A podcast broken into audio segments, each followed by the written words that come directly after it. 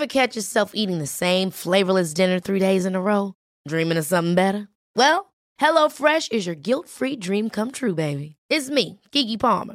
Let's wake up those taste buds with hot, juicy pecan-crusted chicken or garlic butter shrimp scampi. Mm. Hello Fresh. Stop dreaming of all the delicious possibilities and dig in at HelloFresh.com.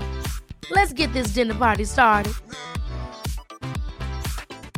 There's never been a faster or easier way to start your weight loss journey than with PlushCare. PlushCare accepts most insurance plans and gives you online access to board-certified physicians who can prescribe FDA-approved weight loss medications like Wigovi and Zepbound for those who qualify. Take charge of your health and speak with a board-certified physician about a weight loss plan that's right for you. Get started today at plushcare.com slash weight loss. That's plushcare.com slash weight loss. plushcare.com slash weight loss. Life is full of what ifs. Some awesome, like what if AI could fold your laundry? And some, well, less awesome, like what if you have unexpected medical costs? United Healthcare can help get you covered with Health Protector Guard fixed indemnity insurance plans. They supplement your primary plan to help you manage out of pocket costs. No deductibles, no enrollment periods, and especially no more what ifs. Visit uh1.com to find the Health Protector Guard plan for you.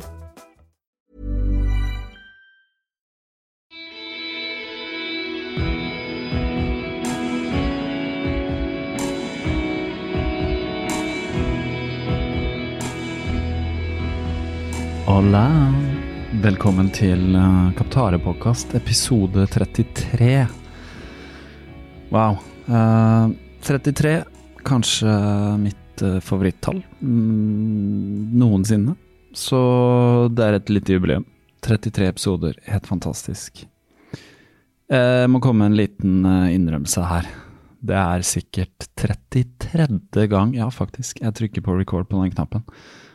Prøver å lage en intro får det ikke til. Får det bare ikke til i dag. Sånn er det. Jeg må bare si som Nietzsche menneskelig. Altfor menneskelig, rett og slett. Det er to ting som er vanskelig med å lage påkast, og det er å lage denne introen. Og så er det å slippe den ut på internett etter at alt er klippet sammen, og du har sjekka alle overganger, og det høres fint ut. Du har ikke tid til å høre hele på nytt, for du har kanskje hørt episoden før. Så du, altså jeg har hørt på mitt eget opptak at lyden er grei. Dobbeltsjekka det. Men når du har klippet alt sammen, og eksporterer ut filen, MP3-filen, skrevet podkastnotatene, passet på alle linkene stemmer, lagt inn, så sitter du og trykker på den knappen som sender ut på internett. Da, da nøler man. Da tviler man. Er det bra nok? Har jeg gjort det riktig? Vil det Vil det liksom er, er, det, er det bra? Og så må du bare tenke at ja, det er, det er, godt nok. Det er godt nok. Jeg gjør mitt beste. Hva annet kan jeg gjøre? Får heller bli bedre neste gang. Jeg må bare prøve å bli bedre. Så kunsten er vel egentlig å ikke tenke for mye. Og kunsten er vel egentlig å ikke tenke for mye på den introen heller, men så gjør man det. Altså, gjorde intervju for en stund siden, og så går man og tenker på ja, det må jeg si, og det må jeg si, og det må jeg si, og sånn, men egentlig trenger ikke si så veldig mye. Trenger ikke si så veldig mye. Men nå har jeg allerede snakka i to minutter, så bare prøve å fokusere nå. Nå skal vi ha et intervju med Stian Agmundvik. Jeg visste ikke så mye om Stian uh, på forhånd. Antagelig er det en del uh, som vet mye om Stian, som hører på. Uh, det er bra. Det er antagelig en del som ikke vet så mye om Stian. Dere kommer til å bli kjent med han. Jeg visste ikke så mye. Jeg har lært han bedre å kjenne, og jeg har sjekka han litt ut og sett på videoer og ting han uh, tipsa meg om, som jeg spurte om. Og han er jo helt rå. Han er helt rå, faktisk. Han er jo stor i Spania. Uh, hører på videoer fra Spania. Stian Angermonvik, Stian Angermon, go Stian, go Stian. Det er jo helt fantastisk. Uh, legger noen linker i podkastnotatene til noen videoer og sånn. Uh, en artikkel i BT og litt sånn forskjellig. Det er, et, det, er en bra samtale. det kommer til med et slags memento mori der. ikke planlagt. Men sånn er det med samtaler. De er organiske. Man vet ikke alltid hvordan det blir på forhånd. en ting til før uh, samtalen. Podkasten er på Spotify. Det er jo en del som vet allerede, men veldig kult. tusen takk til alle patrions som har gjort det mulig å få podkasten på Spotify, for det koster jo selvfølgelig mer. Så nå kom det årets regning. En gang i året betaler man jo for at podkasten skal bli distribuert overalt. Og nå kom en ny regning. Da hadde jeg mulighet til å gå opp et nivå og få hele greia på Spotify. Det er kjempekult, lettere tilgjengelig for mange. Det dumme er at på Spotify så får du ikke klikket på linkene som jeg lager i teksten. Da må du via podkast-websiden eller en av de andre spillerne. Bare så dere vet det. Så her, ha en fantastisk uh, lytt, så snakkes vi etterpå. Sitter her med Stian Angermund Vik. Um, egentlig så snakka vi sammen om å møtes i Bergen. Det var Velkommen, forresten. Ja, takk skal du ha. Hyggelig at jeg får lov til å komme. Ja, veldig gøy. Fordi uh, det var uh, en felles uh, bekjent av oss, Nicolas Jon, som du kjenner. Ja, jeg kjenner han litt. Trivelig kar. Ja, veldig trivelig kar. Han har vært her på podkasten, så ja. de episodene må du høre på. Ja, det må jeg ta, ta ja, for høre. Han er veldig, veldig underholdende. Så um, han er jo en uh, dyktig gitarist òg. Han hadde jo konsert her sammen med Hjerteslag for ikke så lenge siden, hvor ja. han inviterte meg. Han stilig. Ja, når det er sagt, Nicolas, veldig god sceneopptreden. Du, du, ser at den mannen er godt trent. ja, han ser ut som en løper. Han ser ut som en løper, og han beveger seg også som Han har løpt fort òg? Ja, han har løpt veldig fort. Jeg tror det er 2,27 eller noe sånt på ja, maraton, ja, så det er jo kjempebra. Også, og hjerteslag er jo knallbra. Så jeg har ikke sett de live ennå, men det står høyt på lista. Veldig bra, altså. Mm. Du får nok sjansen i Bergen. Men uansett, han, eh, jeg skal til Bergen i mars, og så tipsa han at jeg skulle snakke med deg. og Så tok jeg kontakt, og så viste det at da er du bortreist. Ja, stemmer. Men så, du, så var du her nå, for du, så vidt jeg forsto, har familie i Asker? Eller er fra Asker? Ja, jeg er fra Asker, vet du. Ja, ja. Så eh, var sånn, planen var egentlig at jeg skulle være med og gå Grenaderen i morgen. Mm. Den er jo avlyst. Men så har jeg bestilt billetter for lenge siden, da, sånn, så jeg tok noe tog over her i forgårs. Eh, så jeg har vært da med mamma og, og lillesøster. Ja. Så det er veldig kjekt. For det var det, var det vi snakka sammen om. Du skulle gå Grenaderen? Er det Det er sånn skirenn ja. som eh, Jeg har ikke noe sånn forhold til det, jeg har bare hørt om at det er et fint skirenn som går eh, starter vel i Nittedal eller noe sånt, og så går liksom går hjem, da. Går til Asker. Mm. Eh, så var planen liksom å gå hjem til mamma for ski. Hvor langt er det? Jeg tror det er ni mil. Ja, Et stykke også. Ja, det er et stykke. Ja. Jeg har jo gått Vasalopp en gang for en haug av år siden.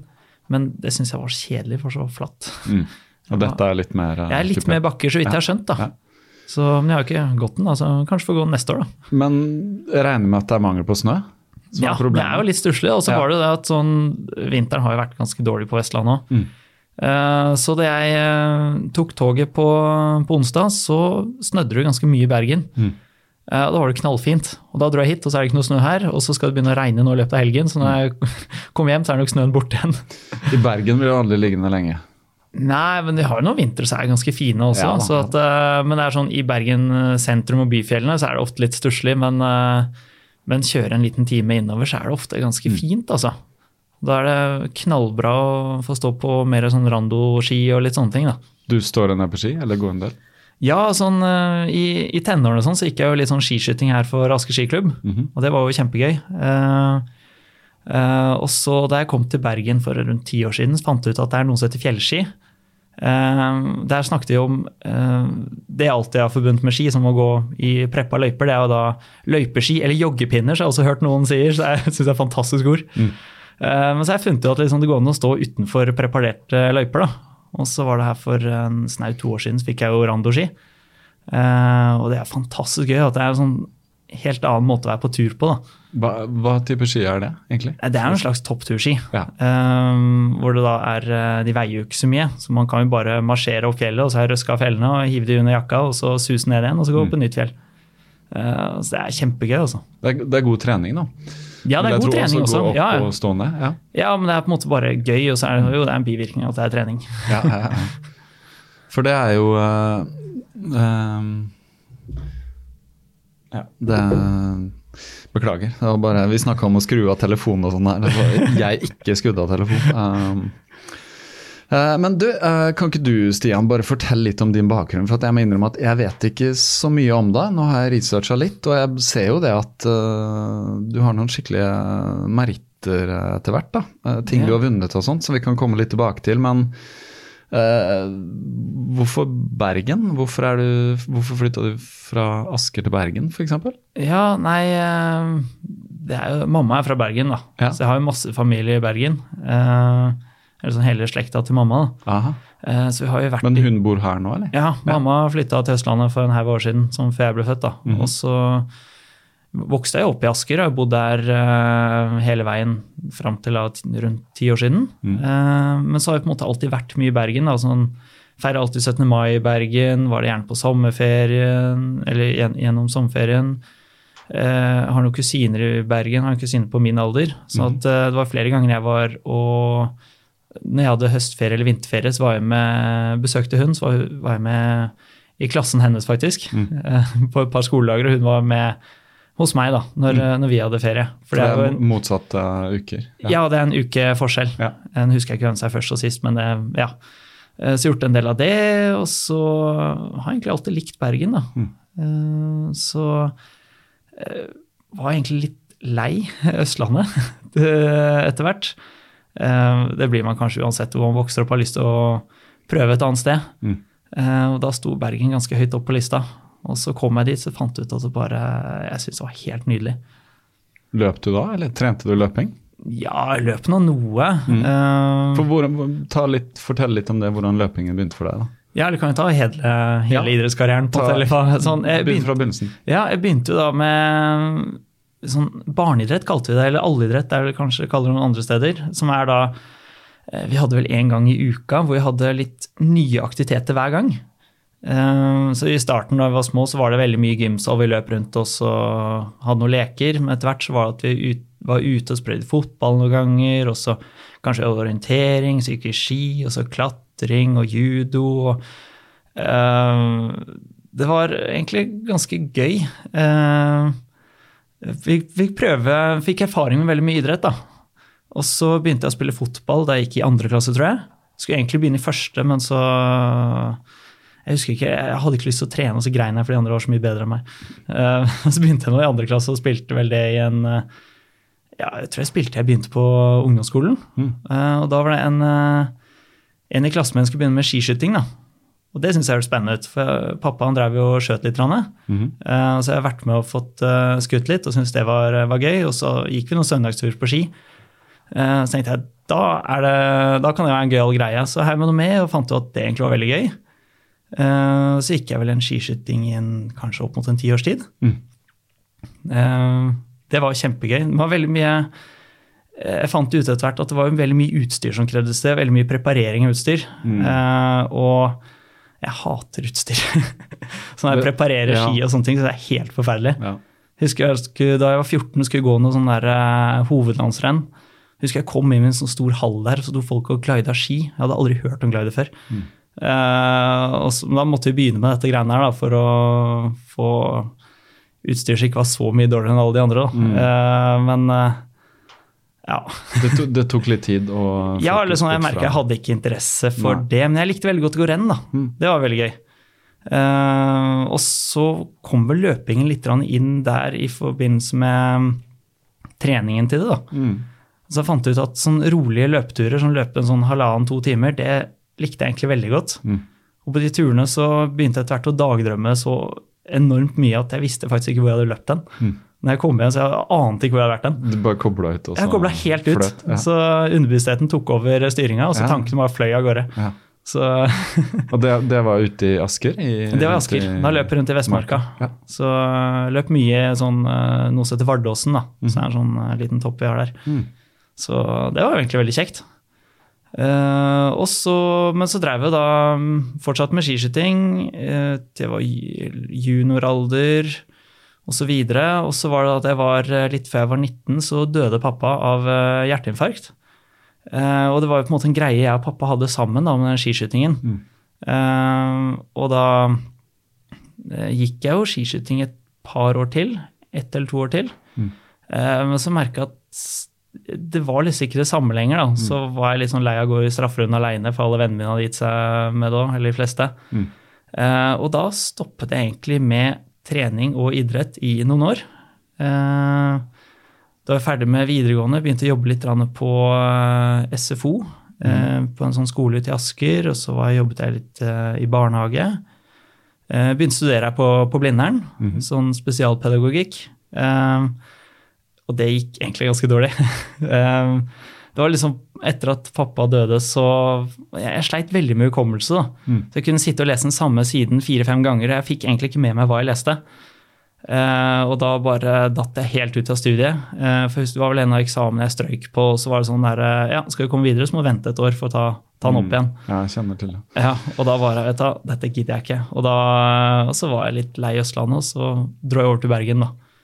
Um, Men det, det, er ganske tidlig å miste sin far, da, når du bare er 19? Altså, ja, ja, rett før jeg ble 19. Ja, det, Var, eh, det var, var, ganske, det var et sjokk. Mm. Vi visste jo ingenting. Altså, hjerteinfarkt kom jo plutselig. eller sånn, mm. Det er noen faresignaler og sånne ting. og Pappa sa jo på slutten at han var ganske øm på Husker jeg ikke om det var høyre eller venstre arm, men det er vel et noe sånn symptom. Kan være tegn, ja. Uh, men uh, jeg visste jo Ingen andre av oss visste noe om det. Mm. Eh, de sa jo det at, eh, at det var eh, For vi var jo da oppe i Loven, en sånn øy utenfor Mo Rana oppi der, mm -hmm. da det skjedde. Og de sa jo at det var et håpløst tilfelle. da, mm. At liksom utfallet ville blitt det samme om, på, om, man hadde vært på et sykehus da det skjedde. Mm. Uh, jeg har hørt om det. det er En mm. type hjerteinfarkt så er det så massivt at det er mm. ja. Nei, så at, Da var det noen år hvor på en måte, jeg vet ikke, alt bare raste sammen. Ja. Eh, men eh, litt tøff år. Med, jeg på en måte kom styrket ut av det. da. Mm. Så det var jo sånn, Første året så var det mamma og lillesøster vi grein jo hele tiden. Og andre året så slåss vi hele tiden. Mm. Uh, Dere måtte finne ut av det sammen? Ja. ja. Så hadde vi ulike måter å takle sorgen på. da, for det var mm. sånn... Uh, Mamma og jeg vi snakka veldig mye. så jeg fortalte jo, Da, da jeg faktisk, begynte jeg å jobbe på SFO. da, og Jeg fortalte jo alle som, av de voksne her da, hva de gikk i. og og fikk veldig god støtte og fortalte alle vennene mine hvordan jeg hadde det. og sånt, Men lillesøster hun låste seg helt inna. Hun sa ingenting mm. før noen år etterpå. Hun var sånn uh, gikk, Hvor mye eldre enn uh, nei, hun, hun, er det? Hun er tre og et halvt år yngre enn meg. Ja. Så at hun, etter noen år så gikk hun rundt også på graven og håpte at hun ikke skulle finne den. Mm. Så at, men, men det gikk jo noen år, og nå har vi på en måte bearbeidet det ganske bra. da. Det er fortsatt et savn, men det er jo sånn man venner seg til det. da. Ja. Mm. Altså, jeg kan relatere. Jeg også mista begge mine foreldre. og Jeg var jo 26 når moren min ja. døde, men det var litt på samme måten. Hun fikk eh, slag og mm. bare alene hjemme. Ble ikke funnet tidsnok. Nei. Så da var det for sent å gjøre noe. Og det var et sjokk for alle. Bare, mm. Hun var bare 60 år. Eller nettopp fylt 60. Da. Det er altfor ungt. Ja, det er altfor ungt, så man blir sånn. Mm. Jeg, jeg syns jeg var veldig ung den gangen, men det tvinger deg til å bli voksen. Eh, ja, man vokser mye på det. Ja, du må ta stilling til ting som du ellers ikke ville tatt stilling til. Mm. Så, men mine foreldre var skilt, så det var ikke noe sånn. Men allikevel så var det Hun bodde på Østlandet, da bodde jeg i Bergen, faktisk. Så det var, sånn, ja, okay. det var veldig rart. Jeg husker jeg fikk en telefon. Eh, mm. 'Nå må du komme, nå er det alvorlig.' Så jeg bare rett på et fly over. Mm. Og bare togene til Fredrikstad, og da lå hun uh, på sykehuset i respirator. Men da sa legen at det er for seint, vi har undersøkt, og det er liksom på grunn av, De kan holde henne i live, altså mm. puls og hjerte og sånn, men uh, Men er på en måte ikke der? Nei, fordi mm. det hadde gått for lang tid. Mm. Så da husker jeg vi bare måtte ta stilling til en sånn ting som om vi ville donere organer. Ja. Der og da, bare. Og det gjorde vi. Mm. Men det, det, er jo helt absurd, på en måte. For ja, det er, jo sånn, en situasjon ja, ja. man ikke klarer å skjønne Nei, fra ene dagen til den andre så er alt snudd på hodet, og mm. plutselig må du ta stilling til uh, Jeg har en eldre søster, så hun var sånn etablert med familie og sånn, men plutselig må du ta stilling til veldig mange ting som ja, er vanskelig å ta stilling til mm. når du er ung, da. Så, og så har man egentlig ikke lyst til det heller, fordi ja, mm. det er, føles for mye der og da. Men uh, det, det, skjer noe, absolutt, og så får du et annet perspektiv på mm på tid og alder og sånn. Ja, sant. Men, ja, ja. ja, men det, det, var en digresjon fra, fra, hele historien din. Eh, så ja, så etter noen år der så bestemte du for å flytte til Bergen. Var det, var det studier da, eller? ja, eller sånn, jeg skulle til Bergen, så måtte jeg finne et studie. Ja, det var i den rekkefølgen. Mm. Så da begynte jeg på universitetet der, på noe som heter folkehelse og helsefremmende arbeid. Mm. En helt generell, generell utdannelse hvor jeg lærer mye teorier. Eh, som var jo egentlig helt ok. Nå var jo greien det at sånn, jeg har alltid vært veldig beskjeden og stille. Jeg holdt vel egentlig helt kjeft fra jeg begynte på barneskolen til jeg var ferdig med videregående omtrent. Uh, og, Bare når du ble spurt at du ja, det var, holdt vi kanskje kjeft da også, omtrent.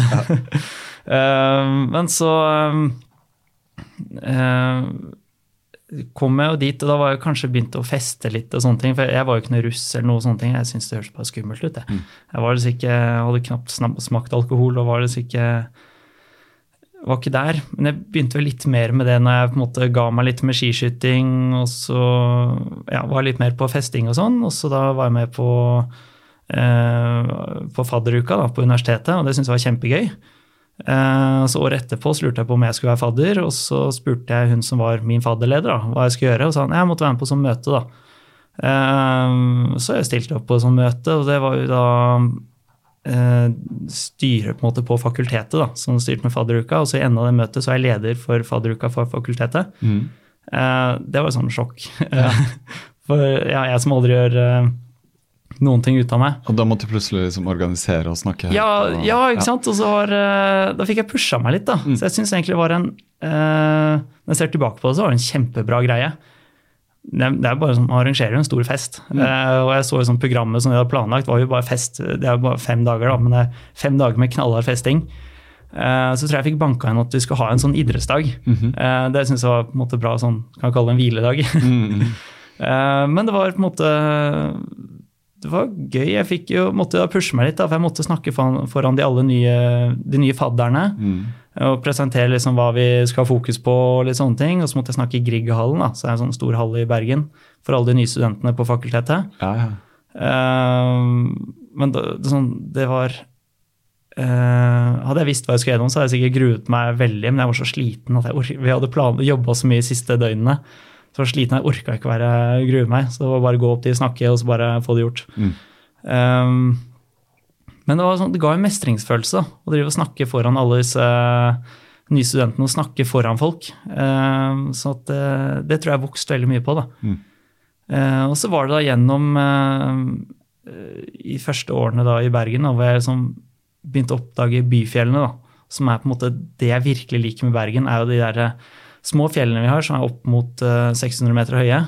eh, som er liksom bare i øyeblikkelig nærhet. Eh, så Rett ved, liksom. Ja, ja, Så, Bare sånn ja, flere ganger jeg satt i liksom forelesningshallen og så så, eller salen der, og så så jeg opp på vidden, da, som det heter, så er det sånn fint platå mellom eh, Fløyen og Ulriken. Mm. Så så jeg opp på den, og så så jeg ned i boken, så gikk det fem minutter, og så tok jeg på en løpeskoene og så løp jeg over. Mm. Det var, jeg, jeg var ikke veldig flink student, for å si det sånn, men Vet du hva, Jeg kjenner meg igjen. Jeg, litt, litt samme satt på lesesalen i Bergen og ville heller bare være ute. ja, sant. Uh, Ja, Hvis man er litt rastløs altså, så er det vanskelig å sitte og ha den disiplinen og bare Ja, i boka. Altså. Nei, Så, altså- så da, det var da du på en måte Da, da kom, kom jeg mer inn i løpingen, Ja. da, og så meldte jeg meg inn i, eh, i en klubb som heter Varegg, som jeg er medlem ennå. Uh, Som er en sånn amatøridrettsklubb. Og det er noe jeg virkelig trives med. da, At det, er, det skal være for alle. Um, greit at jeg begynte å satse mer og mer og på en måte presterer eh, ok, men uh, at liksom du skal kunne være der og være på et elendig nivå. Det spiller ingen rolle på en måte, så lenge du på en måte har lyst til å ha det gøy. Eh, og det var noe sånn litt kontrast i forhold til det jeg så litt i da jeg var med i skiskyting i Asker. at det var litt Så tendensen av mer når jeg slutta, at det var veldig sånn enten skal du satse skikkelig, eller så driver du ikke med dette her. Mm. Uh, og sånn Jeg vil ha det gøy. Det Mm. er det som er det viktige. Um, så da ble det jo mer og mer av uh, Løpingen tok meg sånn litt etter litt. Um, året etter, da jeg hadde vært med og arrangert den uh, ene fadderuka, så skulle jeg ha det på nytt igjen, og da var droppa ut halvveis ute, for jeg skulle være med på sånn triatlon. Mhm. I Bergen? Bergen? Ja, eller sånn. Aurlandfjellet triatlon heter det. Ja, ok. Eh, og så eh, var jeg med på noen norgescup innen motbakkeløp, eh, så jeg syntes det var veldig gøy. Mm. Uh, og så etter hvert så kutta jeg ut den mer heller og fokuserte mer på enkeltløp. da. Mm. For det var vel første på en måte si, store løpet som jeg virkelig fokuserte på, var jo da NM motbakkeløp i 2014. Mm. Uh, det, uh, Hovlandsnutten opp, tror jeg det heter. Mm. Det var det Året før så kom jeg på andreplass uh, i det løpet, som da ikke var NM. da. Uh, og da har jeg, da, jeg har en eldre fetter, Henrik Angermund, som på en måte sa det der, der skal du der skal vinne neste år. Mm. Uh, så satte det som mål, da. Og jeg hadde jo på en måte det året, i 2013, så hadde jeg veldig mange andreplasser i Norgescupen. Uh, Hvem var det som var din argeste rival nå? Nei, eller sånn Det var flere, liksom? Ja, da, ja for det sånn, uansett hvem som var med, så kom jeg på andreplass. Ja.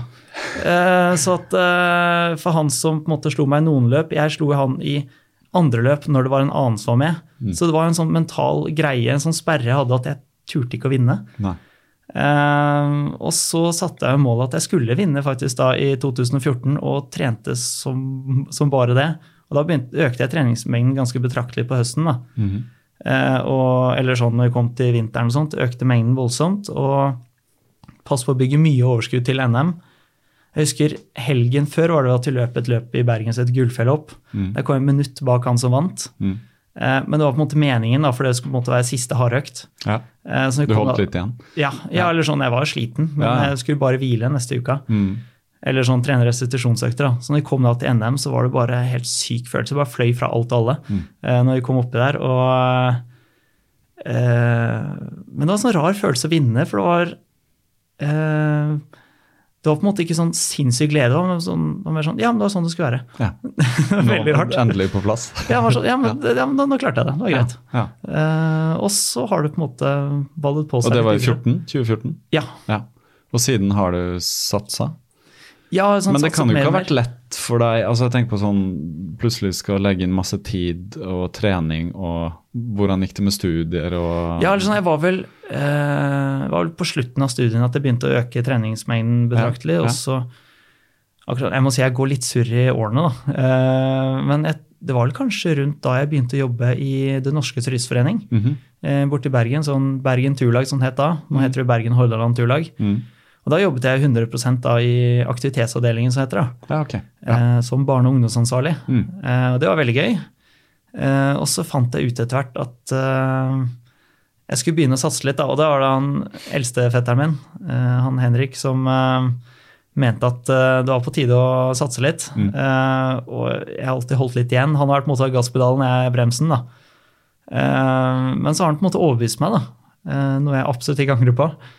Eh, så var kombinasjonen av det og at jeg leste en bok eh, av Bertrand Larsen som heter 'Bli best', eller noe.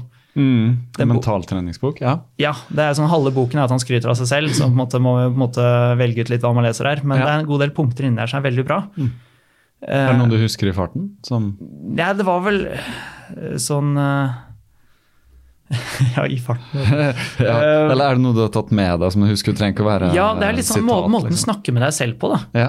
Og tørre å snakke seg selv opp. ja. Uh, og tørre å sette seg skikkelig i mål. Eh, og litt sånn der med at å sette livet i perspektiv. For det er jo litt sånn derre uh, Livet er ganske kort, og eh, tenk på hvis, hvis jeg dør i morgen, er jeg fornøyd med livet Mm. som, som jeg har hatt nå. Mm.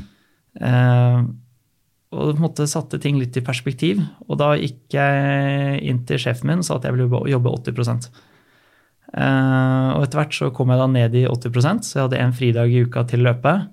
Uh, og sleit sykt hele det året med dårlig samvittighet. Mm. Uh, fordi at det var Hvordan kunne jeg liksom løpe rundt der og ha fri, mens alle andre bidrar til samfunnet? Mm. Og at jeg bare løper rundt i fjellet og skal trene for å bli god i løping, så er det så egoistisk. For, for sånn jeg skal bli bedre eh, med det jeg driver med. Mm.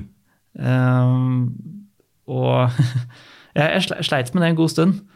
Um, merker at det hjalp jo veldig på resultatene. da. Men var det, kom det fra innsiden, eller var det noen utenifra som liksom Nei, det, det var jo på en måte fetteren min som motiverte meg. Ja, han motiverte deg, men det var noen utenifra som mente at det er galt å jobbe 80 Nei. og så løpe igjen? Da? Nei, nei. ikke sant? Så det, det, Det var du alle- selv som ga deg det dårlig er Alle har støtta meg i det, men Ja. jeg har slitt veldig med det selv. Ja.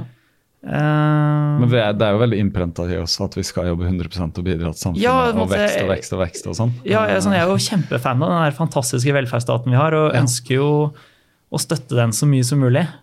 Uh, og, Men det gjør det jo tross alt, uh, ved å jobbe 80 da. Ja, men da, nå har jeg faktisk gått ned i 60 Ja. Så det de siste fire årene så Eh, har jo da jobbet et annet sted, noe som heter Drevelin. Det er et sted som driver mye med ortose, proteser og slike ting. Jeg husker navn fra Bergen, for jeg jobba som portør på Haukeland sykehus. Oh, så jeg ja. husker uh, Mm. ja. Ja, altså, Jeg selger da sko der, da. Mm. Og det er en uh, jobb som uh, Eller jeg kan ta, jeg jobba da på turlaget tror jeg, i tre år. Eh, og da fant jeg ut at etter hvert at det var en jobb som var vanskelig å legge igjen på jobben. Mm. Den fulgte meg overalt. og det var sånn der, eh, Du jobber jo med frivillige, og når er det frivilligartid? Jo, det er når jeg ikke er på jobb. Mm. Uh, sånn at uh, jeg syns det etter hvert ble vanskelig å kombinere. Mm. Eh, så da valgte jeg å Gikk jeg opp til Drevlin, da, for jeg kjente jo de som jobba der. Mm. Og jeg var testa litt sko og sånn for dem. for de har da en skobutikk hvor de har mye løpesko. Eh, og så spurte jeg liksom Jeg har lyst til å jobbe her, er det noen muligheter? Mm. Eh, og så gikk det et halvt års tid, og så fikk jeg jobb der. Mm. Og så sa jeg også at jeg ville jobbe 60 da. Mm. Uh, og det har funka veldig greit så langt, altså. For da, så, når jeg ikke er på jobb, så fokuserer jeg ikke på jobben i det hele tatt. Og da er det Du kan gå hjem og gjøre det Ja. du vil. Ja. mm, Så det er uh, helt nydelig. Nei, det, er- det er viktig, det.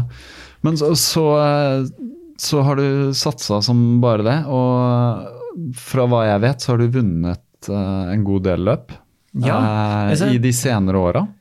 Ja, På høyt nivå. Altså, Jeg har begynt å løpe mer i utlandet. Ja. Det er jo der jeg, de løpene jeg satser på nå. Ja. Eh, For det var vel i Hvordan begynte det med Altså, du vant, du ble norgesmester, men hvilket nivå er det på? Altså, er Det det er sånn Motbakkeløp i Norge er faktisk ganske bra nivå. altså. Det er, vi er ganske høyt nivå på det. Mm. Eh, nå er det sånn at Mange av de fjelløpene i utlandet fokuserer mer på sånn opp- og nedløp. da. Mm. Sånn, at, eh, sånn fjelløp, sånn at det er eh, Over fjell og Ja, Ja. kan opp og ned flere fjell, eller opp og ned ett fjell. Mm. Men Så de der motbakkeløpene er De har ikke den samme statusen. I hvert fall av de jeg har vært med på, da. Men det er på en måte en stor greie, det også. mm. Men det starta med at det er en veldig god løper som heter Jonathan Wyatt, som har vært med å løpe skåla opp flere ganger. Mhm. Eh, Og da er det flere av de i eh, Vareg da, som har på en måte skravla litt med han når han har vært eh, på skåla opp Mm. i Norge. Og så har han nevnt et løp som heter Grossglockner Berglauf, som er et motbakkeløp i Østerrike. Mm. Som han syntes var veldig veldig fint. Så tok vi turen, da. Det var vel i 2014, eh, så var noen uker etter NM, da. Så var jeg med der, stilte opp, og der var det noen kenyanere og folk fra alle mulige land som var med. Eh, Og det løpet det er sånn som starter helt badeflat, og så blir det på en måte brattere og brattere. Det er ikke sånn veldig bratt sånn totalt sett, men uh, uh, det gikk i hvert fall veldig bra. Jeg kom på en andreplass. Tok igjen en haug av folk i siste bakken, sånn kneika, for den er skikkelig bratt. Mm. Og det var kjempegøy. Eh, året etterpå så dro vi ned dit igjen. Da vant jeg løpet. Det var utrolig kult. Det var en fantastisk dag. Bortsett fra det eneste som ødela litt, var borgermesteren der. da. Han var sånn, en kar som satt der og dritings og pekte på huden min og sa at jeg hadde riktig farge. Han likte ikke at jeg slo kenyaneren der. Så jeg, og, ja, jeg merka jeg ble skikkelig sint Det var litt sånn meg. brunt Østerrike der plutselig. Ja, og så jeg, var, å, jeg ble skikkelig sint, men samtidig også helt satt ut. Jeg, liksom, Egentlig så angrer jeg på at jeg ikke bare kasta drikken min i trynet på han og gikk, eller noe sånt. Men, eh, men det bare, jeg, jeg skjønte egentlig ikke hva han hadde sagt før en stund etterpå. Eh, men så ble jeg egentlig kjent med en av de kenyanerne der som, var, som jeg har skrevet med masse etterpå. En skikkelig trivelig kar. Jeg lurte ham med opp til Norge for å løpe motbakkeløp også. Okay. Så det var litt kult. Ja, ja. Det er ikke så ofte at eh, en kenyaner kommer til Norge for å løpe motbakkeløp. nei, jeg tok, tok eller De sånn, er veldig kjent for å løpe eh, Ja. mye flate Ja, han var en kar som likte å løpe en del motbakkeløp, Ja, ja. så at, eh, han løp da skåla opp. Eh, og han var helt satt ut av været, for dette var et år det var eh, ganske dårlig vær på skåla så løpet ble bare halvveis. Okay. Uh, og han er jo ikke vant til å løpe i så dårlig vær heller, vet du, så vi måtte jo pakke han innan han kom opp. Vet du, og stakkars kar. Det var kaldt. Ja. så, men uh, ja, han, han syntes det var gøy, da. Ja. Hvert fall sa han det. da. Så. Har, du, har du vært der, eller? I Kenya? Nei, Har du vært så- aldri, Nei, vært, nei. aldri vært der. Så, men i hvert fall altså eh, så, Men eh, var det noe Altså, du vant NM, og så var du der nede, og andreplass vant. Var det noe sånn, Ble du satsa på, og fikk noe støtte til å gjøre dette, eller alt ja, ut av egen det- lomme? akkurat der, så det, det gjorde vi selv. Eh, Det 2015 var faktisk uh, uh, men det, Nå må jeg tenke meg et om her, for jeg går litt sur i årene. Men i 2015 så var det faktisk en bryllupsreise. Mm. Jeg dro ned og løp løp. Oh, ja. Din bryllupsreise? ja. Ja. Så du gifta deg oppi det her òg? Ja. Ja. Uh, okay. men skal vi se Det var vel Jo, tilbake i 2014, når vi var uh, Jo, jeg, jeg, går veldig surr sur i årene, men da var vi også, når vi var nede og løp det der løpet i, uh, i Østerrike for første gang, da, så var jeg også da i Dolomitten og løpet som fjelløp, sånn opp- og nedløp. Mm. Og det var første gang jeg løp et løp med en utforbakke, og fant at det var egentlig helt fantastisk gøy. Mm. Eh, Følg helt ned igjen? Ja. ja, jeg ble satt ut av hvor fort disse, spesielt italienerne, løp løp utfor der. Mm. Det var, eh, det var helt spinnvilt. Jeg følte jeg sto stille. De bare durte på utfor uten noen hemninger. Eh, Jeg brukte tror jeg, i hvert fall en uke på å klare å eh, gå normalt, for låra var helt knust. ja, det er hardt. Ja, det var hardt. Det er liksom Opp er én ting, men ned er jo Ja. Ja, sant. Og Men er det, hva, hva tror du det handler om? At uh, de er bare vant til det, eller en kultur? Ja, eller at de sånn, det skjønner at det her, er, her det er her jeg må hente det hvis ikke jeg har det i oppoverbakken? Jeg Ja, eller så er det også kanskje noe å disponere krefter. da. Ja. Jeg som da motbakkeløper fokuserte jo oppover. Når jeg kom opp, så var jeg egentlig ganske ferdig muskulært og mentalt. Mm, mm, Mens de er bare halvveis. mm. Så at, eh, og så er det noe med hva man har trent på. Ja. Men så var det også rundt de årene der så løp jeg et løp i uh, Chamonix. Det kan også ha vært i 2014. Men eh, Skjedde mye det året. Ja. Men så løp, løp jeg et løp da under et arrangement som heter Marathon du Mont Blanc. Mhm. Og der løper jeg en sånn vertikal kilometer som de har. Det er en type motbakkeløp de har, eh, har der nede, som er sånn at du skal stige 1000 meter på en kort distanse. Mm. Så løper jeg det, og så løper jeg da et løp som heter cross da, i det arrangementet. Som er sånn 23-24 km eller noe sånt. Og det gikk jo veldig bra. Det vant jeg. Mm. Eh, Det, det som var morsomt på det løpet, sånn, dagen før når jeg løp den der vertikale kilometeren, så kom jeg på en andreplass. Uh, jeg fikk egentlig ikke helt med meg hvem som vant. Uh, så han på pallen med sånn Jeg fikk egentlig ikke helt med meg hvordan han så ut. og sånn. Eller jeg husket derfor ikke den jeg stilte på løpet dagen etterpå. Og så var det sånn, eh, når vi var rundt halvveis, så var det jeg og han som lå sammen i tett. Men jeg visste ikke at det var han. Og jeg tenkte liksom da at motbakker det jeg kan, så jeg må i hvert fall rykke motbakken for å ta han. Ha- Hadde jeg visst at det var han som slo meg i vertikal kilometer dagen før, så hadde jeg kanskje ikke turt det. Eh, Men så rykka jeg, så fikk jeg luke, og så vant jeg. Så det var litt, eh, det var litt gøy. Eh, Og etter det løpet da, så kom han ene kompisen min som heter Torbjørn Ludvigsen, som er liksom blir kalt stolsekonge og motbakkekonge og mye, mye forskjellig i Norge, for han er fantastisk god i løp motbakke. Men han var med i Salomon-teamet og sa da at en som heter Greg ville snakke med deg, som da er teamsjefen i Salomon. Uh, og jeg hadde ikke noe forhold verken til Salomon eller han Greg, så jeg tenkte ja, jeg får nå får nå være med. Uh, Tutla bort og fikk snakket med han, og det virka som han ville ha meg med på et eller annet. da. Uh, så jeg sa noe, ja, det kan sikkert være greit, det. Så jeg var med og løp et løp i, uh, i Sveits, noe som heter Sierre Senal, som er på en måte, de kaller vel uoffisielt VM i fjelløp hvert år. Eh, det som er kult med det løpet, er at det er et løp som ikke passer noen. For det er for, eh, for bratt, for slakt, for kort, for langt. Eh, det starter på en måte med nesten 2000 meter stigning, som er på en måte oppvarming. Eh, det høres litt, litt fjernt ut. Eller ja, 1500 eller 2000 meter, da. Eh, og så er det liksom Skal vi se, hva, hva blir det? Altså, jeg tror, hele løypeprofilen er i hvert fall at jeg tror det er 2000 meter stigning totalt, og så er det 1000 meter ned og 31 km totalt sånn distanse. Da. Så er det stigning, og så er det bortover. for Sånn, folk løper ganske fort bortover, men hvis de kommer på flaten, så løper de jo tre blank og raskere, tror jeg omtrent. Eh, og så er det 1000 meter ned på slutten, da. Så jeg var med på det, og det var eh, Jeg husker jeg løp bak en eller annen sånn kar eh, når vi kom på flaten her, og han løp meg fullstendig i senk. Så fikk jeg hørt etterpå at han har vært med i OL og løpt maraton. Og det var, det var helt så sykt fort der. Jeg var helt satt ut. Eh, Høyt, så her var det høyt nivå? Her- der, der var det høyt nivå, det men der krever det å kunne løpe bortover. Ja, jeg har ja. aldri løpt bortover, jeg vet Nei. ikke hva det er for noe. Eh, men så var det noe med, og det gikk jo helt greit. Jeg tror jeg fikk en sånn, kanskje en åttendeplass eller noe. Mm. Uh, og så spurte jeg han Greg etterpå om de ville ha meg, ha meg med i dette greiene. Sånn, ja, ja, vi ser det litt an. Mm. Og så var det vel i 2015, tror jeg da, så var jeg med på nytt på Nei, dette må ha skjedd i 2015. Ja, ja. Ja, eh, og så var det i 2016, da. Så var jeg med på nytt på det der Maraton Mont Blanc-arrangementet og skulle løpe maraton. Mm.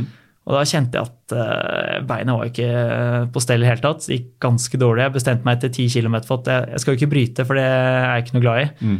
Så rotet jeg bare kraftig ned, og så si, jogget jeg inn til mål Mm. på en sånn 30-40-50-plass eller noe sånt. Mm. Men det som var greien det året, at det hele året for min del dreide seg da om verdensmesterskapet i noe som heter skyrunning. Mm. Eh, For det fant jeg ut på vinteren at det, var, eh, at det skulle være et verden- verdensmesterskap. Eh, Og jeg hadde bestemt meg for at vertikale kilometeren der, altså motbakkeløpet, det hadde jeg veldig lyst til å vinne. Flere forskjellige typer eh, Ja, altså- løp, eller eh, Ja, eller sånn, de har I VM der så har de tre løp, da. De har eh, VK, eller sånn vertikale kilometer, så det motbakkeløp. og Så har de fjellmaraton, så er det sånn skyløp, og så har de ultra, som er eh, se, Den var vel rundt 100 km eller sånt, da. Jeg skulle da være med på vertikale kilometeren, da. Eh, For det var sånn, I mitt hode så var det liksom det største. Mm. Så jeg har funnet i ettertid er det sånn min status alt. Men Det er lengst som gjelder. Ja. ja, eller ikke nødvendigvis lengst, men eh, mer opp og ned som Ja, gjelder. ja, Men jeg syns det var utrolig kult på vertikale kilometeren, og sånn alt hele året dreide seg om det. Mm. Det var så vidt jeg gadd å være med på NM motbakkeløp det Mm. året, fordi det var VM som betydde noe. Men jeg var med på NM, og var, det gikk kjempebra. Eh, jeg var egentlig livredd for å komme i for god form for tidlig. Mm. Eh, men jeg kom til VM, jeg hadde en form som var bare helt vill. Eh, Så jeg kom på den vertikale kilometeren, suste opp, vant løpet med en jeg vet ikke, kanskje opp mot en 20 sekunder eller sånt. Det var enkeltstart, så jeg visste jo ingenting. da. Vi sto der oppe, det var jo sånn i spanske Pyreneene. Mm. Eh, og vi spurte, og jeg vet ikke om de skjønte hva vi spurte om, og vi skjønte ikke helt hva de sa, men etter hvert så gikk det sånn gradvis opp for oss. eller sånn, De sa vel at jeg hadde vunnet, men jeg turte ikke helt å stole på det. Og så, du fikk ikke vite det? Det kom flere bak deg og sånn nå, eller? Ja, ikke sant? For sånn, Jeg var en de aldri hadde hørt om, så jeg var en av de første som løp. Ja, okay. Og så satte jeg en knallgod tid, og så kom Ja. det ingen andre som tok den. Nei. Eh, og så Kunne du følge med på det, eller hvordan Nei, vi, var det? jo sånn, vi hadde ikke telefon eller noen ting. Nei, Så at vi sto, gikk og tutla ned, og så var det sånn Mm. Ja, vi vant. Eller gjorde vi egentlig det? Jeg vet ikke. Så det litt sånn øh, Måtte bremse forløsningen litt? Ja, Uh, eh, og så var jo planen da at eh, For dette var da på en fredag. Og så tenkte jeg at jeg skulle løpe en sånn halvmaraton der. Mm. Eh, men den gikk på søndagen. Skulle jo, vi skulle hjem på søndag. Jeg trodde den gikk på lørdagen. Så sa jeg da jeg kan, kanskje, jeg syntes det var så fint der, så jeg hadde lyst til å løpe maratonet. Som da var verdensmesterskap, det også i sånn skyløp. Mm. Eh, halvmaraton var bare et løp de hadde som ikke var en del av mesterskapet. Mm. Så spurte jeg han ene der om han kunne ordne meg startnummer, og det fikk jeg. Og siden formen min var så sinnssykt god, så restituerte jeg jo med en gang. Mm. Eh, Så når jeg stilte til start der, så åpna jeg rolig. Eh, Jeg husker den første kraftige stigningen. da. Så løp jeg forbi en kar som pusha seg så sinnssykt hardt. Så jeg bare tok jeg ham på skulderen og sa du, vi skal løpe lenge. Ro kraftig ned. Mm. Det var en eller annen sånn asiat, og han så ut som han liksom, uh, var rett ved målstreken og hadde sikkert tre timer igjen. Um, ja, du skjønte at det var litt tidlig å gi ja, men i hvert fall på, på det videre ute i løpet da, så uh, tok jeg igjen teten, men jeg visste ikke at det var teten. Mm. Eh, så i en, øh, den nest siste utforbakken så løper jeg med en kar da, som også er i Salomon, for da hadde jeg kommet inn i Salomon-systemet. Mm -hmm. um, og så spurte jeg åssen vi lå an, da. Og sa nei, vi er nummer én og to. Så bare nei, du kødder. Uh, det var helt satt ut. Uh, og så kom vi i bånn av bakken, og så er det sånn, skal jeg gjøre noe, så er det nå det skjer. Så jeg brant til det jeg hadde, og fikk på den stigningen, så jeg vet ikke hvor lenge vi løp opp der, men da fikk jeg en fireminutters luke eller noe sånt. Yes. Uh, og så begynte utforbakken her, og utforbakker har jo på en måte ikke vært min styrke. Det har jo blitt, blitt mye bedre på nå i senere årene. Men da hadde jeg den følelsen de 15 km ned til mål, som var på en måte mest utfor litt noen sånn, noen kneiker her og der. Da hadde jeg den følelsen Du vet når du løper så fort nedover at bare Oi, nå har jeg ikke kontroll lenger. Nå kan det gå skikkelig til helvete.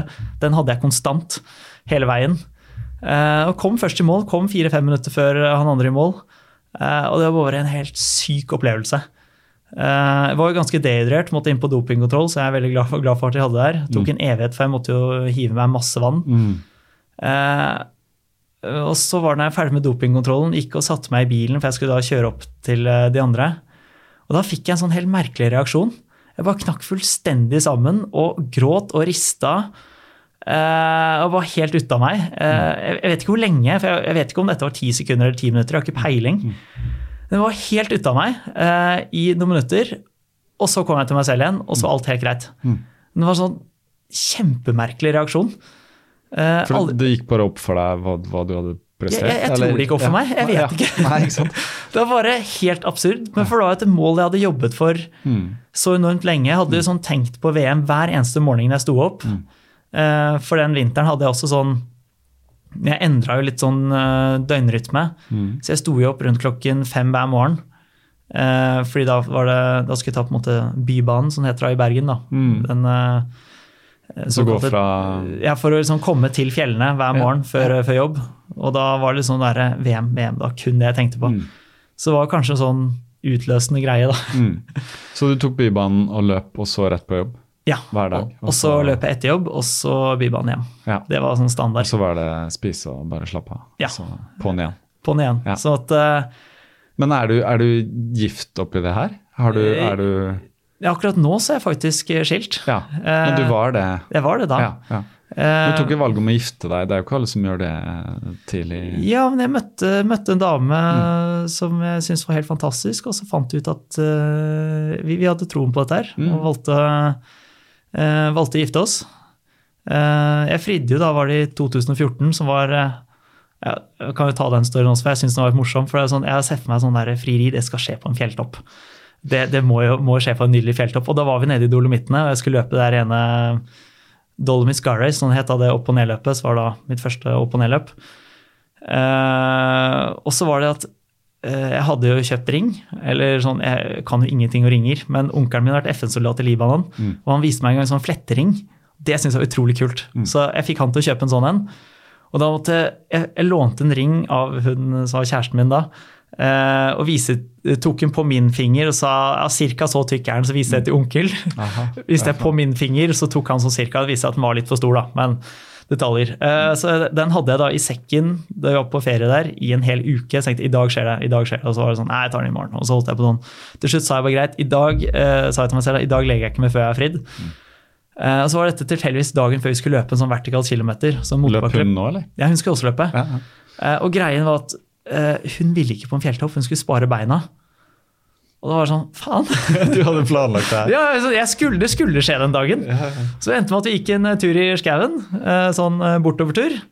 Og så gikk vi sånn, det var frem og tilbake da. Og så gikk vi så, her var det fint sted, så jeg tar det etterpå, utsatte det hele veien. Uh, og så snudde vi og så gikk tilbake igjen, og så var det, ja, det var et nytt sted litt senere, eller sånn nærmere bilen, det går sikkert fint. Og så til slutt bare kom jeg til siste sted, nå er vel ingen flere steder, så det her må det skje. Uh, og så satte vi oss ned på en benk der da. Og hun var, begynte, jeg tror, kanskje hun var sulten eller begynte å være utålmodig. Eh, med? ja, så hva, hva faen var greien? Og så bare gikk jeg ned på kne, så uh, kom opp med ringen og så lurte på om vi skulle gifte oss. og sånt, og så Hun sa ja, og jeg grein, ikke sant? for jeg har alltid vært en veldig følsom av oss. da. Eh, så da jeg er veldig glad for at hun sa ja. da. Det var en veldig hyggelig greie. Men det ble ikke på noen fjelltopp. Nei, ikke sant? Så, det er ikke ja. alltid det går som man har planlagt. Eller Nei. hvis man planlegger, så må man i hvert fall hoppe på sjansen når man har den, og ikke Ja, sant. Ellers så går, var, går eh, toget, og så Ja. Så, men det var noe morsomt. Men, Men eh, gift ble du, ja. Ja, vi ble gift, men eh, så fant vi ut her Vi har slitt litt de siste årene, og så eh, fant vel egentlig ut nå i fjor høst at vi ikke skal ha gift lenger. Som da var egentlig knalltøft. Det var en del uker der som var eh, helt forferdelig. Men vi har funnet ut egentlig i ettertid at eh, vi passer veldig mye bedre som venner enn å være gift. For nå har vi et veldig bra forhold som venner. Eh, og vi ringes jo, sender meldinger og eh, Vi har det på en måte mye bedre sammen nå, selv om vi ikke bor sammen. Så vennskap er liksom Det er tingen vår istedenfor. ja. Det var rett valg, da. Det var, ja, vi burde ikke vært gift i det hele tatt, burde bare vært venner. Uh, og på en måte, Jeg er jo kjempeglad i henne ennå, men på en vennskapelig måte. da. Uh, og det er, uh, jeg er veldig glad for at vi kan beholde vennskapet. Så det er egentlig veldig kjekt, da. Ja. Det høres ut som på en måte den beste, beste utløpet av når man tross alt skiller seg. Ja, sant. Ja. Så ja. Ja, det er uh, brudd med, med kjærester, om man er gift eller bare være samboere, det, er, eh, det er tøft nok, det. det Ja, ja, ja. Og i hvert fall det, hvis det blir sånn at man går fra hverandre og ikke har noe forhold etterpå, så har man jo hatt et langt forhold. Ja, sant. Så det, er en person som- man har delt mye med. da. Ja, ja. Uh, og vi var jo sammen i jeg tror, rundt syv år eller noe. ja. Eh, så vi har på en måte delt masse. Ja. Så at, eh, men så, vi sleit litt de siste årene, og jeg tror ikke det var lett for noen av oss. Nei. Så, men det er sånn, jeg er veldig glad vi har et godt forhold nå. og eh, sånn et godt forhold til familien hennes. og Tanta hennes er jo veldig sportsinteressert, så hun tar jo, sender meg meldinger uh, er for noen uker siden jeg var løp i, uh, i Spania, på sånn Kanariøy som heter El Hero. Mm -hmm. Det var jo løp, og Da hadde hun lest på Kondis og sendte meg gratulasjonsmelding etterpå. og Det var kjempekjekt. Det, det, var det jeg så faktisk på Kondis, for det er en av de siste nyhetene, den El Hero. Ja. Og der var det, du kan jo fortelle om det, da, for det var nå, nå i høst. Nei, Maraton del Meridiano det var her nå i månedsskiftet ja, januar-februar. Okay. Så det, det var... Ja, det blander jeg med et annet. Men ja. nettopp nylig, altså, mm. kan du egentlig si. Er det det siste du gjorde da? Siste, ja, det er siste løpet jeg har vært med på. Så og det var kjempekjekt. Eh, var det også sånn motbakkeløp torsdag og maraton lørdag? Ja, for greiene... Du, du deltar i begge og vinner begge. Ja, men kan ikke si at nivået var så skyhøyt, men det var det som var knalltøft er, var at vi gikk jo fra 0 grader i Bergen til 29 grader på startstreken. Mm. Mm. Så vi, vi, fløy jo ned da. Vi reiste jo da fra Bergen klokken seks om morgenen på torsdagen. Kom ned klokken fire lokal tid. Mm. Eh, og klokken halv seks så sto vi på startstreken på motbakkeløp. Du kom til øya fire, for at du må lande på en annen øy, ikke sant? Ja, vi, vi fløy i hvert fall til hva var det? Lanzarote eller Canaria? Først København, og så Gran Canaria. Ja, ja. Eh, og så var det da videre med lokalfly der. Ja, okay. Sånne små ja. Widerøe-lignende fly. Ja, eh, videre til El Hero. Ganske lang reise, altså. Ja, ganske lang reise. Men åh, det er så fantastisk fin øy. Mm. Det er jo sånn, De fleste som drar nedover til Kanariøyene, drar til Gran Canaria og sånne ting, så er jeg veldig sånn turiste. Eh, jeg har vel ikke løpt der noen gang, eh, men jeg tror det skal være veldig fint å løpe der. Men det jeg liker med El Hero, er jo at det er en ikke så turistifisert øy. da. Mm. Det, er, det er en fattigere øy. Det er sånn Løpet som heter Maraton del Meridiano, er faktisk en viktig inntektskilde til øya. Mm. Uh, og så er det bare skikkelig trivelige folk. da. Som Dagen før så var vi på besøk på sånn, hos skole der. Uh, og Jeg hadde med en kompis ned, og vi visste ikke hva vi skulle på i det hele tatt. Vi bare spurte om vi ville komme på besøk, så ja, ja, vi kan stille opp. Og så kom vi inn der, så satte vi oss ned i et slags sånn studio, sånn som vi sitter nå, og mm. fikk en mikrofon opp i ansiktet. Og så var det noen skolebarn her, så hadde jeg forberedt spørsmål. Oi. Uh, og de er ikke veldig stødige engelsk. Uh, så dette var sikkert en av de første gangene de snakka engelsk. Mm.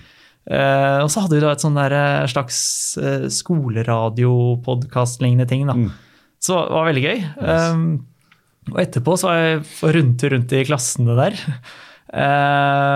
og de stilte meg noen spørsmål og sånt. Og da fikk jeg høre etterpå at det var første gang de snakket engelsk sånn høyt i klassen. Oh. De hadde jo engelsk som fag, men de hadde på en måte ikke snakka høyt i klassen. Nei, nei. Så utrolig tøffe barn, da. Yes. Og så var det sånn da på maraton dagen etterpå, når jeg nærma meg mål, så var det jo flere av disse barna som var med å løpe inn mm. til mål de siste tre-fire minuttene. Mm. Og Det syns jeg var utrolig rørende. da, Sånn der helt fantastisk øyeblikk. Eh, så egentlig er på en måte høydepunktet på hele den helgen var at de ville være med meg og løpe inn i mål. da. Eh, kjempegøy. Hvor mange er det som er med i et sånt løp? Nei, på det løpet der, så jeg vet ikke. Det var vel Det er begrensa med plasser? Ja, det er begrensa med plasser. Ja. Uh, akkurat antall er jeg litt ustødig på, men det er en del hundre, da. Mm.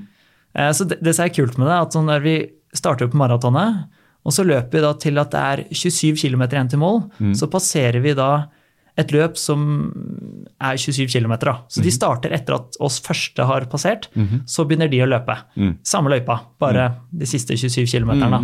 Og samme skjer når vi kommer til 18 km før mål. Så er det en ny sånn uh, gruppe. da. Ja. Og Så er det sånn løper, og så heier de på meg, og så ønsker jeg dem lykke til, og så løper vi videre. Så det er veldig gøy.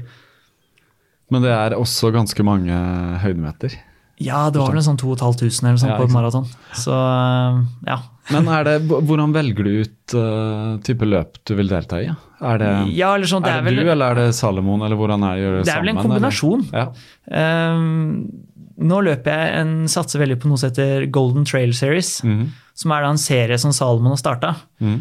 For greiene var at jeg løper da mye skyrunning i starten. Mm. Fortell litt om hva skyrunning er. Det er nok ja. noen som vet det. Men ja, det, det, er, det, er, en type fjelløp. Det er jo ja. sånn masse forbund. Mm.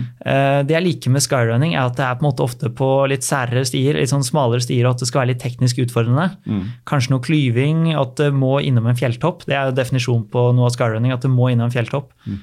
Og at det må være et visst antall uh, høydemeter per, uh, på distansen. Da. Det kan ikke mm. være for flatt. Mm. Uh, for jeg har jo vært med og løpt EM og VM i det som jeg kaller slak motbakke. Mm. som er da laget av World Mountain Running Association. Mm. Og det er type løp hvor du ikke trenger terrengsko. Du kan stille opp i asfaltsko, du skal løpe opp lang grusvei eller asfalt eller noen sånne ting. Mm. Så jeg syns egentlig jeg er drita kjedelig. Mm. Uh, Det blir noe annet, da. Ja, eller sånn, jeg, For det du driver med, er veldig teknisk. Det er små stier og Ja, det må være litt, sånn, litt ulendt. Det er mer gøy, Ja, da, få litt ja. mer naturopplevelser. Mm. Men så var det det med skyrunning at det ble plutselig veldig, veldig mange løp. Uh, og da går jo også nivået ned, for alle sprer seg utover alle disse løpene. Mm. Så Eh, det satses på visse løp. ja, ja, visse, sånn. Mm. Nivået gikk ned, og da, det syns jo Salomons var en av sponsorene. Sånn, de ønsker å promotere sine sko Mm. eh, og utstyr. Eh, og når nivået går ned, så går interessen bort. Og de sa jo til skyrunning at det her funker jo ikke. Eh, Vi vil ha liksom øverste nivå. Ja, egentlig. og da også tok litt tid før Scarring. De har endra seg en del nå, men de har fortsatt veldig mange løp. Men da tok Salomon til slutt uh, saken i egne hender. Mm. Så laga de en egen løpeserie hvor de plukket ut løp de syns er veldig fine. Mm -hmm. Uh, og har nå, De har kjørt opp pengepremien en del, men det jeg også liker, at de har også pusha veldig på dopingkontroller. Mm. Så topp fem på alle løp, der må dopingtestes. Mm -hmm. uh, og sånn som her i Norge, jeg har blitt dopingtesta én gang. Mm. Noe som jeg syns egentlig er ganske flaut. Mm. Eh, Det er for lite. ja, jeg ble testa etter NM motbakkeløp i 2016. Hva Eh, skyldes det? Er det kapasitet, eller er det Nei, jeg, eller? jeg vet ikke. Det var jo sånn her For noen år siden så var det veldig viktig at uh, sånn som Skåla og andre mulige andre løp måtte komme inn sånn at du betalte lisens til Friidrettsforbundet, for da kunne de ha dopingtester. Mm. Men jeg har ikke sett kontrolløren ennå. Så det er jo litt sånn tullete. Men jeg, jeg tror ikke fjelløping har I Friidrettsforbundet tror ikke det har noe særlig status. Det er kun bane og veiløping som betyr noe. Mm. Så Men kan, kanskje det- fjelløping kunne funnet et annet forbund de kunne vært med i. Ja, ikke sant. Men er det, er det Tror du det blir en endring? Fordi altså, jeg har ikke fulgt med i løping eh, hele mitt voksne liv, men Nei. eh, de siste åra litt, grann, og det virker jo som fjelløping, og det, altså, det, det Ja, vokser. det, det vokser enormt. Ja, Jeg vet ja. sånn Så det, og det er jo tydelig at du som på en måte en holdt på å si, Mm. nesten soloartist fra Norge kan holde på, og det er jo andre med deg også. Ja, det er, vi, er, vi er flere, og det Ja. er, eh, norsk nivå er ganske bra. Og fjelløping vokser jo noe enormt her. Vi har på en måte her i Oslo det er Skyblaze-gjengen blant annet, Ja. som begynner å bli ganske stor. Og Bergen har vært motbakkehovedstaden i flere år. Mm. I hvert fall slik jeg ser det. da. Og det er jo mange som driver løper i fjellet der. Så det er Uh... Jeg har hørt om uh, Jonathan Albon. Har jeg Ja. hørt om. Eh, han kjenner du kanskje, eller? Ja, jeg har trent Ja. en del med han. Ja. Han er en skikkelig trivelig kar. Han uh, vant jo et sånn VM-løp, gjorde han Ja, ikke det i fjor? Jo. Han uh, vant Det var vel Itra sitt VM i fjelløp. Ja. Så løp han et annet VM i sånn ultrafjelløp, det også. Mm. Der gjorde han ganske bra også, uten at jeg helt husker plasseringen. Har du vært med i disse Nei, jeg har ikke vært med i de. Nei. Det som var greien, er at jeg satser jo da mye på Golden Trail Series. Mm. Og da var det her i fjor så ble jeg jo tatt ut til å representere Norge. Men det var da uken etter jeg skulle løpe et løp som heter Segama. Som er på en måte det løpet der. Det, Mhm. Det det, det, det, det betyr så mye for meg, det løpet, at det er sånn Spiller ingen rolle om det skulle vært OL eller VM eller hva det er. Det er sånn eh, Det skal jeg løpe. Hvorfor har det Eh, Segama, det er jo Jeg kan jo tilbake til eh, storyen min. Det var Ja. 2017. Mm. Så løp jeg det for første gang. Og det er et løp eh, jeg har hørt masse om av eh, andre og sier at det er helt unikt. Det løpet det er kun 500 stykker som får løpe, og så er det rundt 10 000 stykker som står og heier. Mm. Uansett vær og vind. Det pleier ofte å være drittvær. Mm. Eller sånn regnvær. Da, som, Hvor og når er dette? Det er, pleier som regel å være siste søndagen i mai. Mm. Uh, I Spania? I Spania, i Baskeland. Baskeland. Så jeg er ikke i Spania, Nei. ifølge de du snakker med. Nei, Det er sånn, hvis du går til en basker og sier en spanjol, så Ja. blir han sint. Så det er Nord-Spania. Ja. Eh, sånn at, uh, men det løpet der, sånn stemningen der, Mm. er bare helt vill. Det er sånn, de, de står liksom ikke bare og klapper forsiktig i hendene, og sånt, de er sånn skikkelig engasjert. Mm. Og når du har rundt 10 000 stykker som er skikkelig engasjert langs Som løypa kommer tett på deg? Ja, de, de står jo, det er på en måte bare det er, Du har de på hver side, og løypa blir da så smal at det kun er plass til deg imellom. Uh, ikke noe mer. Eh, og jeg merka at når jeg løp det løpet, sånn, jeg holdt på å knekke fullstendig sammen. Jeg ble så rørt. Eh, Så jeg hadde tårer i øyekroken gjennom hele løpet. Klarte du Eh, å prestere da? ja, jeg vant løpet og satt løyperekord. Okay. Wow. Eh, Så var det helt sykt. Det var sånn To dager før så løp jeg jo den vertikale kilometeren der, og vant og satt løyperekord der også. Og den helgen der er vel det beste jeg har gjort noen gang, mm. prestasjonsmessig, tror jeg. Eh, Men også et løp du har fokus på, da. Du jeg fokuserte veldig på det. Ja. Uh, men jeg, visste, jeg kjente jo ikke løypa. Men jeg starta jo rolig. Jeg tror etter ti kilometer så var jeg tre minutter bak vinneren. Mm. Eh, Ikke vinneren bak lederen, for jeg var vinneren. ja, ja, ja. Men den som skulle vinne. Ja, eh, Trodde han skulle vinne. ja, sant. og halvveis så leda jeg løpet. Ja. Eh, og når jeg kom i mål, jeg var helt knust. Jeg tror det ligger noen YouTube-filmer at det bare kollapser over målstreken. Mm. Jeg så litt, men jeg har ikke sett den. Men det må nevne. Segama med Z, eller? Ja, Segama med Z. Segama Ascori heter løpet, men Mm. Søker du Segama, så er det det du får. Ja, ja, ja, Eh, og det var sånn Jeg vet ikke, jeg ble tatt imot som en helt. Uh, det var det helt magisk. Den, den stemningen som er der, er bare helt unik. Uh, og jeg anbefaler alle bare å Det er lotteri da, for å være med på det greiene der. Du får ett nytt lodd for hver gang du søker. Og det er jo bare 500 plasser. Uh, så er det noen til eliten og noen til de som har gjort så og så bra fra tidligere år. Så jeg tror jeg rundt, de som er med loddtrekning, er vel sånn 230 plasser eller noe sånt. Og så er det vel rundt 10 000 stykker som søker, da. Oi. Og mange har jo flere lodd, så er det kanskje sånn 50 000 lodd eller pluss det. ikke sant? Ja. Eller, eller enda mer, på en måte. Ja. Så sannsynligheten for å komme med er minimal, men jeg anbefaler folk som har lyst til å løpe et helt unikt fjelløp, Mm. bare begynn å søke hvert år.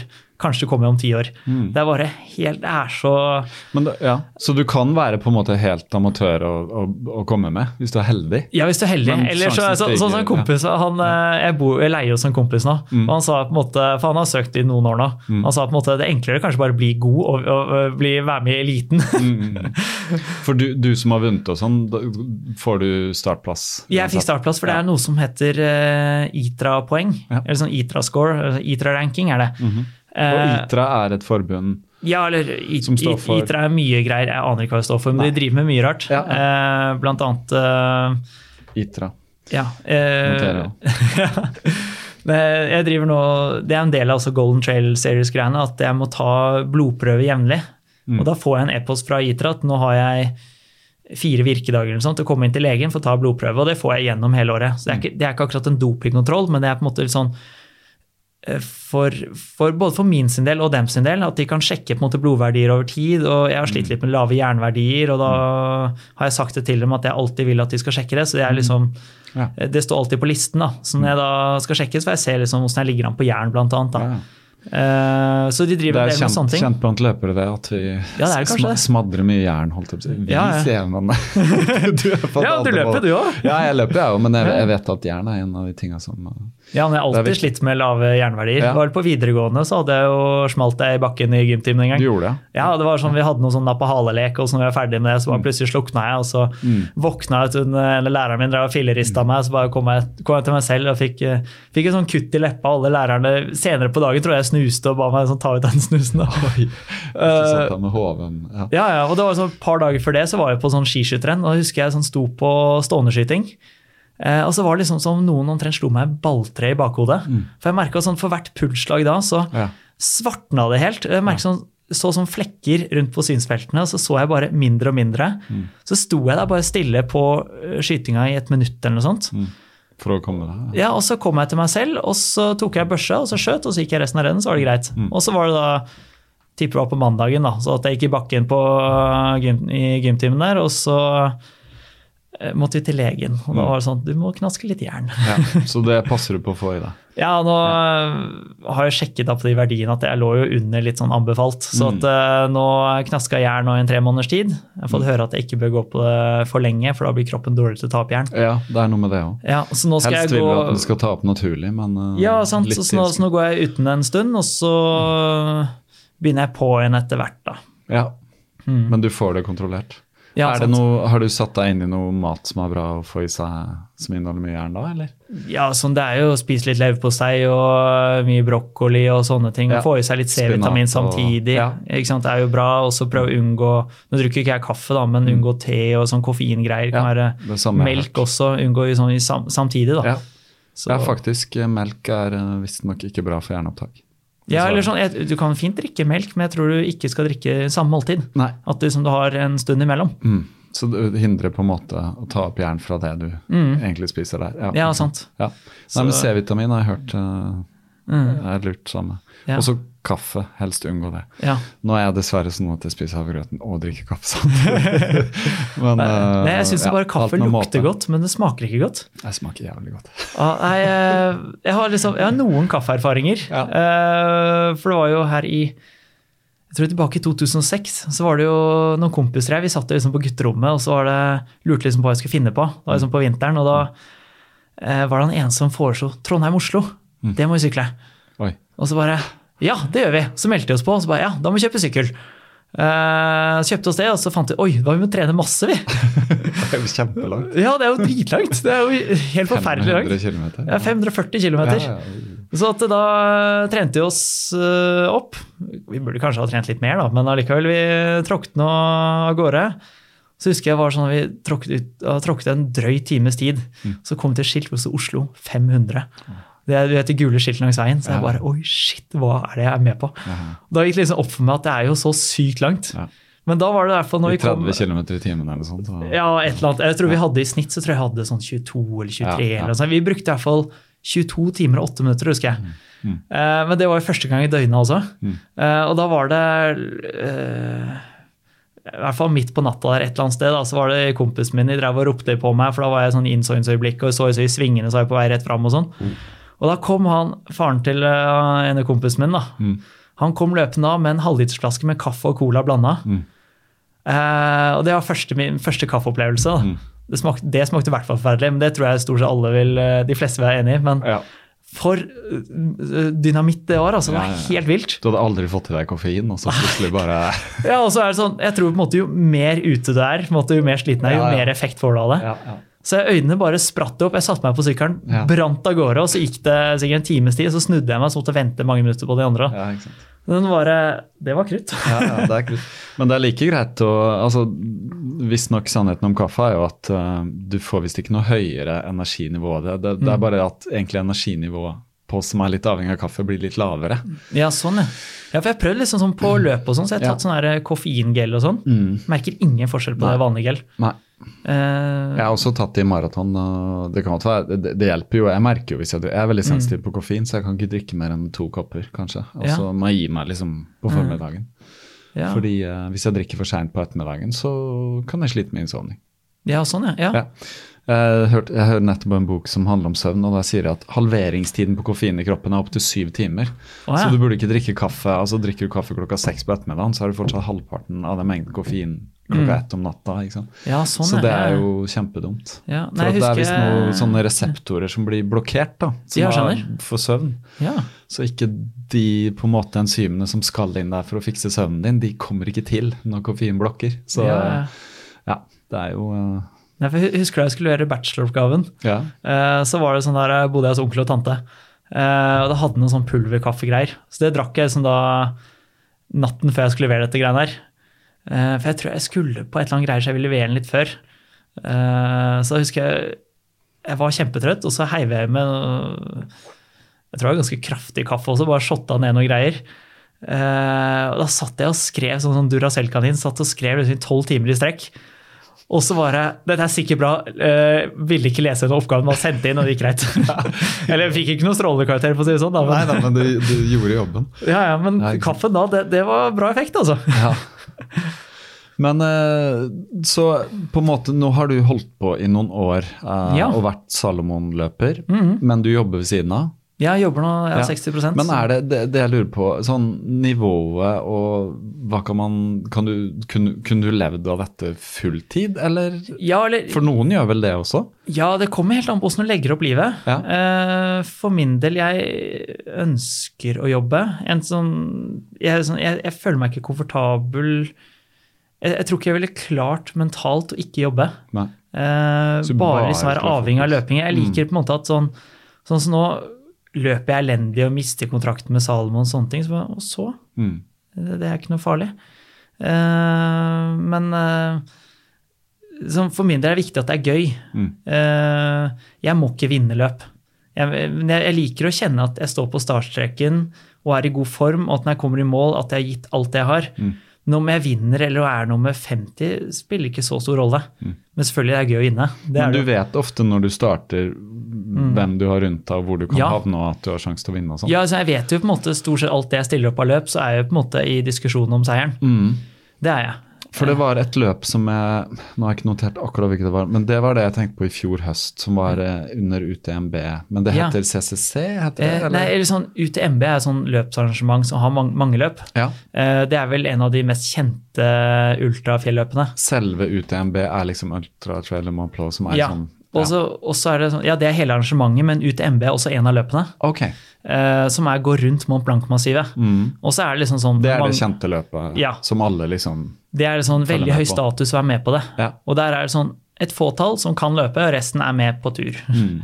Uh, og det er vel 2500 som er med eller noe. Ja, ikke sant. er Med på den. Og så er det da at du har eh, et annet arrangement der, eller annet løp der, som heter TDS. Mhm. Eh, som er vel da, sånn UTMB er da var det 169 km og 10 000 høydemeter opp og ned. Mm. Og de sier der 10 000 høydemeter opp er greit, men 10 000 høydemeter ned så er helt forferdelig. Mm. For det knuser beina. Ja, det er voldsomt på den distansen der. Uh, Det er altfor langt for min del. Jeg Ja, har ja. ikke planer om å være med på noe sånt. Og så løper jeg det etter, Eller eh, jeg løp det som heter uh, OCC. OCC var det. Ja. eh, Som står for tre steder du løper igjennom. Nå Mm. husker jeg ikke, Du starter i Sveits, på et eller annet sted på O. Og så løper man forbi et sted som begynner på C, så jeg ikke husker helt. Og så er det Chamonix til slutt, da. Ja. Og så er det på en måte CCC, som er et løp som er på en måte sånn eh, kan jeg si, siste halvdel av UTMB, eller pluss litt til. da, Så starter Comayeur, eh, og så kommer den inn på den OCC-løypa, og så den, går den inn til mål. Og så OCC er på en måte siste delen av UTMB. da. Og så TDS, som er en helt annen løype, som går eh, Starter også i Comayeur, som er i Italia, der hvor CCC begynner, men så går på en måte motsatt vei, men på en helt andre stier, er litt mer teknisk. da. Men det, OCC var jo spennende å være med på. Det var jo uh, Jeg vant til litt tekniske løp, og jeg var, må si at egentlig så var jeg ganske skuffa. Eh, for det er i fantastisk natur og kjempekjedelig løype, for det er jo veldig mye grusveier. Liksom, det er et løp du kan stille opp i asfaltsko. Ja. Så det er egentlig et veldig kupert veiløp, vil jeg si. Mm. Sånn at eh, skal du ha på en måte flotte naturopplevelser, eller løpe spennende stier, så er ikke UTMB Eller nå har ikke jeg løpt ut UTMB, men OCC-greiene, så er ikke det å anbefale.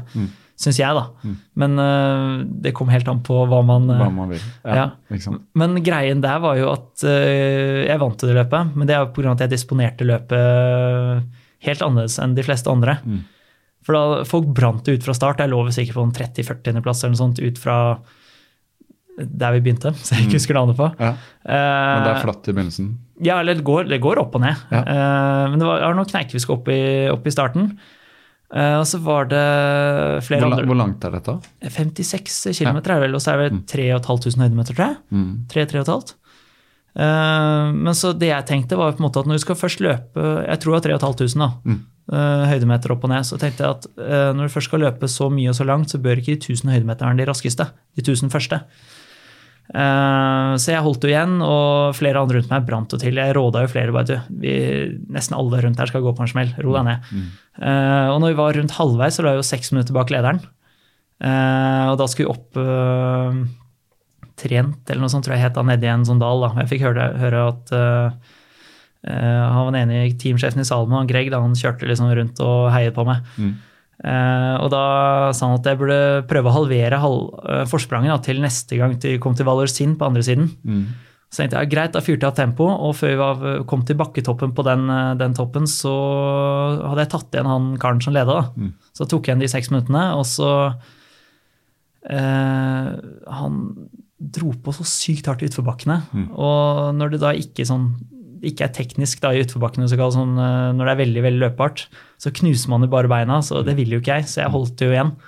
Så jeg lot jo han bare løpe, og så kom vi ned til Valosin på andre siden og begynte å løpe videre. Da tok jeg han med en gang, og så var det en sånn liten sånn kneik, vi skulle opp tre-fire høydemeter, og da begynte han å gå. Og da bare fikk jeg luke til ham med en gang, og da lå jeg alene i tet resten. da. Mm.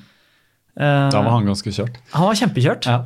Eh, og så kom vi opp siste Løp jeg alene resten, da, men kom jeg opp siste stigningen, så så jeg bak meg, og da så jeg ingen. Men jeg så på en måte at jeg hadde et punkt bak der, så så jeg at nestemann i hvert fall fire minutter bak meg. Eh, og så siste utbakken inn til mål var jo ikke teknisk den heller, så jeg valgte å ikke knuse beina, så jeg holdt det litt igjen. Og han som kom i mål etter meg, kom et minutt bak meg. Da. Så han tok inn på. masse på slutten. Ja, Eh, Han ga sikkert alt han nedover der. Ja, men altså, jeg, jeg vil jo ikke knuse beina. Nei, Jeg, skal jo, jeg liker ikke at når det er Jeg liker at det er ulendt utfor, da. Mm. Da er det litt mer spennende å løpe. Ja, for da må du bruke hode og teknikk eh, på Ja, en helt annen måte. Ja, eller sånn eh, det er bare å flytte ene beinet foran det andre og så bare kjøre på i kjempehøy fart. Mm. Eh, Det er mye mer gøy når det er eh, ulendt og du liksom Ja, det er det jeg fokuserer. mener. Når Ja. du må fokusere, da må du bruke hode og bein på en helt annen måte enn hvis Ja. det bare er rett utfor og du bare kaster deg ut. Mm. Så da er det bare Hvor lenge holder man, liksom? Ja, sant? Og hvordan Man kan jo ende opp uh, ganske skada og sånn på lang sikt òg, kanskje? Ja, det kommer an på hvordan du løper utfor. Jeg Mm. prøver å fokusere litt på det og trene en del skadeforebyggende. Så jeg Hva er fokuserer eh, et godt tips der, da? For- er sånn, ene er at du må ha en sterk kjernemuskulatur. Mm. For på en måte er du sterk rundt hofta, Mm. så holder du teknikken veldig mye bedre. Mm. Uh, og så liker jeg å prøve å sette beina ned ikke så langt foran meg. Mm. Prøver å lande liksom litt på hele foten. Mhm. Eh, når du går fort i utforbakken, så kan du ikke sette akkurat foten ned rett under deg, for da det går så fort at du Ja, ikke sånn, da faller du. Ja, så må du på en måte litt, litt foran deg, måte, Mm. men jeg prøver å lande liksom på hele foten og ha litt bøy i kneet. Mm. Eh, for lander du sånn her, smeller foten ned på hælen, eh, helt strak kne langt foran deg, så eh, tror jeg et eller annet ryker etter hvert. Ja, det gjør det nok. Og så er det litt sånn med kroppsholdning også. Du må prøve å lene deg litt fram, være litt offensiv holdning. Mm. Uh, være litt på. Uh, og så er det veldig mange som er, er jo ofte engstelige når de kommer til utforbakker, har sånn høye skuldre og syns dette er skummelt. Så er det litt det kanskje å snakke seg litt opp. da. Mm. Fortelle at man skal, denne bakken her, den skal jeg virkelig naile. Sånn at den, eh, jeg Mm. Det skal eie den bakken her. Ja. Men har du, tenker du noen ganger på hva med å tråkke feil og stupe framover? Nei, du kan ikke tenke det. Du må Nei. bare kjøre på. og Fokusere og gjerne ha blikket noen steg fram. Ja. For hvis du klarer å se noen steg fram, så kan du planlegge hvor du skal løpe. Og da løper du ofte mye bedre også. For hvis du ser rett ned, så kommer ting så brått på at uh, Ja, du må ta avgjørelser hele tiden. Ja, ikke sant. Så at uh, jeg prøver når jeg løper så utforbakke, så tenker jeg ikke, jeg bare si, observerer, da. Mm. Eh, og så gjelder det bare å ha flyten utfor. Mm. Og det er på en måte sånn Ofte før jeg løper løp også, så tar jeg et par sånn mageøvelser før løpet. Ikke sånn for å på en måte slite ut magen, bare for å aktivere magemuskulaturen. Ja, ja. For da er jeg mer stabil. Mm. Og da føler jeg utforbakken også, det er en helt annen verden. Trener du noe spesiell kjerne sånn utenom? Altså Ja, sånn, jeg er heldig å få lov til å trene litt med Olympiatoppen, da, så Ja. trener basistrening med dem. Mm. Uh, og da har de en god del liksom, Alle øvelsene her er, jo, er de jo knallharde på at skal være riktig, riktig utført. Mhm. Og da er det veldig mye på det å ha kontroll på bekkenet, Mm. som er helt genialt. Mm. Så, Så det er, det er mye å hente der. Ja. det er veldig mye å hente der, syns jeg. Altså. I hvert fall for min del har jeg lært mye av det. For oss som ikke har tilgang til Olympiatoppen og vil lære noe, har du noen steder hvor man kan se, eller er det noe Det fins jo sikkert masse videoer og Ja, sånn, alt jeg, mulig, men jeg mener at Olympiatoppen på sine nettsider har jo en del Ja. videoer der som er veldig Ja. bra. Men så er det litt sånn der, hvis du tenker at du ligger deg ned på ryggen, mm, eh, så har jo veldig mange, når du ligger naturlig og slapper av, så har jo veldig mange sånn svai i korsryggen, at du kan ta hånden innunder. ja. Når du ligger her, så kan du rotere bekkenet så korsryggen er nedi. Mm. Da må du aktivisere Da må du aktivisere. Og hvis du da prøver å løfte beina dine når du har den nedi, mm, så kjennes det ganske mye tyngre enn vanlig. mm, Eh, De øvelsene vi har med Olympiatoppen, så skal alltid korsryggen være rotert den vinkelen der. Ja. Eh, Så å si på alle øvelser. ja, ikke sant. Eh, Så vi har jo eh, mye øvelser som går rett og slett på å trene magemusklene i ulike posisjoner da, med at du roterer bekkenet på den måten. Mm, Og det er på en måte, Hvis du ikke klarer å gjennomføre øvelsen helt perfekt, så stopper det. mm, Hvis de sier at ja, vi, nå tenker vi 15-20 repetisjoner, Mm. men klarer du syv, og, og du sliter med å klare den åttende, så stopper du på syv. ja. Da kan du heller ta en pause, så kan du prøve å ta noen nye. ja, for Men- hvis du fortsetter da å miste teknikken, så blir det feil? Ja, det blir feil. Ja. Da får du ikke trent skikkelig. Nei, så det er kun kvalitet. Mm. Uh, og hun som uh, Cecilie, hun som har hatt de øktene på, i Bergen der, da, hun er Mm. knalldyktig på det. Og jeg har lært så mye. Det er vanvittig flink instruktør. Mm. Så at eh, der, der føler jeg at jeg har, eh, har eh, Det har hjulpet meg mye i fjelløpingen. da. Ja, jeg tror, men bare for oss som er sånn asfaltløpere også. Mm. Ja, ja, jeg, har er sånn, jeg har en sånn kjerneøkt som jeg gjør, og jeg prøver å være god på det med teknikk. Og bare Mm. kjenne særlig at kjernen er aktivert, at han ikke Mm. svaier for mye av det. Så jeg håper jeg gjør det riktig, men det er ingen som står og passer på meg. Da, så. Nei, men Du kan på en måte prøve å filme deg, f.eks. Ja, Se deg i er speilet. Ja. Uh, og så tror jeg på en måte istedenfor å tyne deg på de, hva med heller kjøre mange serier hvor du på en måte Mm. passer på å fokusere på å gjøre det riktig, og så heller gi deg før du er helt ferdig. Mm. For det er ikke nødvendigvis alltid at du skal tyne deg maksimalt, men det er på en måte gjøre, aktivere muskulatur. da. Mm. Uh, så det, Ja, det, det er klokt. Nei, som, som sagt, jeg tror det er viktig for oss som løper asfalt òg, fordi jeg, jeg tror det er vi viktig blir- uansett om du sitter på bak i Ja. kontorpult, Ja, eller om ja. du skal løpe ultraløp, Ja. eller uansett hva det er, så er det på en måte viktig å styrke kjernemuskulaturen. For det er mye ryggplager antagelig vi kunne sluppet. Ja, masse. Ja. Eh, Så egentlig som basistrening. Og det går jo også mye på bevegelighetstrening og litt sånne ting også. Mm. Eh, Det er egentlig så burde, burde egentlig vært på alle arbeidsplasser. Vært eh, noen timer i uka med det, Mm. Eller no, noen økter i uka med Ja, det. ja. Og det kunne bare vært Det holder med ti minutter, altså. Det er masse å hente på det. Det er det. Jeg tror den kjerneøkta jeg tar, og setter på klokka, det tar liksom fem-seks minutter på hver en repetisjon, da. Og så tar jeg tre, så jeg kan gjøre det på 20. Ja, sant. Og så tror jeg på en måte det er lurt å prøve å ta litt nye øvelser. Mm. Selv om det er vanskelig å finne nye øvelser, så er jeg på en måte sånn Gjør du det samme hele tiden, så blir du veldig god på det. Mm. Men hvis du gjør litt andre ting, så får du kanskje angrepet muskler på litt andre måter. Mm. Og Det er det jeg syns har vært veldig bra med disse basisøvelsene. at de når jeg har vært på en basistrening, at de videreutvikler en del øvelser, og så er det gjerne, det er ikke det samme fra gang til gang. Mm. Vi fokuserer på litt ulike måter å gjøre det på. Noen ganger kanskje litt mer statisk, andre ganger litt mer dynamisk. Mm. Noen kanskje fokuserer litt mer på skråmagemuskler, Mm. eller gjør det enda mer ustabilt. Så det, er, eh, Mm. det, er, det er mye bra, altså. Ja. Mm. Nei, ba, bare en ting som å Bare snakke om hvor enkelt det kan være. da. Prøv å stå på ett bein mens du pusser tennene Ja. og lukke øynene. Mm. Skal du kjenne hvor ufattelig du må jobbe med kjernen for å bare holde Det er helt balansen? fantastisk bra, altså. Særlig når du lukker øynene, for da mister du orienteringsevnen. Ja, ja. da, Men vi har hatt som bare en sånn øvelse som ligner på det. At vi har hatt på en, måte en stang vi har holdt i hendene, Mm. så jeg har stått på ett bein. Og så har vi lent oss framover, Mm. så at det, liksom, det beinet vi ikke står på, det går da strakt rett ut ja. bak. Og det andre, og overkroppen rett fram, så på en måte står der som en stuper, da, bare det står på ett bein. Mm. Og så retter vi oss opp, at vi da står med den stangen rett opp, eh, og det beinet som vi eh, har i lufta, på en måte, Mm. den står på en måte 90 grader ut fra hofta og så 90 grader i kneleddet. Mm. Og så prøver vi å lene oss bakover så langt vi kan. Mm. Og da må du ha kontroll på bekkenet, for hvis ikke så er du helt ute med en gang. Ja, ja, ja. Mens du da ser opp på stanga, så lener du deg bakover Mm. så langt du kan, og så tilbake igjen, og så fram. Eh, og da må du også prøve, prøve å holde kroppen i balanse og aktivere kjernemuskulaturen for helt å klare den posisjonen. Mm. Det er helt genialt. ja, det der får du bruk for i opp- og nedløping, altså. Ja, ja, ja. Eh, Får bruk for det i alt.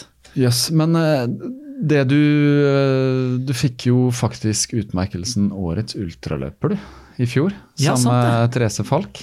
Ja, Og da var det litt sånn Oi, jøss. ja jeg syns det var et jøss. For jeg, Ja, for liksom ikke, jeg, jeg ser ikke på meg selv som ultraløper. Jeg har løpt eh, en sånn Ultra er på en måte det som er lengre enn maraton. og det er på en måte et Per definisjon. Ja, ja noe sånt. Ja. Eh, så jeg har vel løpt skal vi se, fire ultraløp, jeg, da. Mm. Jeg har løpt, første var vel noe som heter Festival des Templiers. Mhm. Så her i Frankrike så er det sånn stort løpsarrangement, veldig hyggelig greie. Mm. Som er en sånn 76 km, tror jeg. Mm. Eh, husker jeg ikke høydemeterne, men det er et sånt løp som blir på en måte mer og mer kupert jo lenger ute i løpet du kommer. Mm. Så folk bare brenner til, og så bare går de på en smell en etter en. Mm.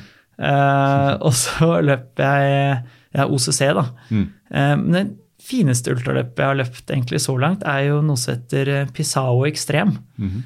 Som er et løp i Portugal som jeg fikk invitasjon til her i forrige fjor. Så har jeg en kompis med meg som bor, bor her i Oslo, oppe i Nydalen. Så vi har gått skiskyting sammen, og sånn, og så dro vi nedover. Eh, og fikk skikkelig god kontakt med arrangøren der, og det var kjempegod stemning. Og det er et løp da som er eh, 65 km med 6500 høydemeter. Mm. Så det er jo eh, Og veldig teknisk hele veien. Eh, og det er eh, veldig treigt, da. Altså, jeg, jeg vant jo løpet, men hadde jo en snittfart på 9,30 på kilometeren og sånt. Mm. Som er på en måte For de som løper rundt ellers, er jo det bare Går det an å løpe så sakte? Ja. Eh, Men det går. ja, men sånn, Men det, 6500 høydemeter, ja. Det, det, det tok litt tid. ja, det skjønner jeg. Jeg tror ja, rundt ti timer, da. Men det er det som passer deg, da? Sånn tekniske Ja, jeg, jeg synes det er det jeg syns er mest gøy, i hvert fall. Ja. Uh, men det som var morsomt, da, han eh, Stig, han kompisen min som var med, han uh, eh, tok jo på en måte over kommunikasjonen. altså Når vi skulle dra ned i år, så var det på en måte han Stig som var reiseleder. Mm. Så han snakket med arrangøren, for i fjor, så, eller første året så var det jeg som gjorde det. for at eh, Jeg som hadde si et navn, da det meg de inviterte.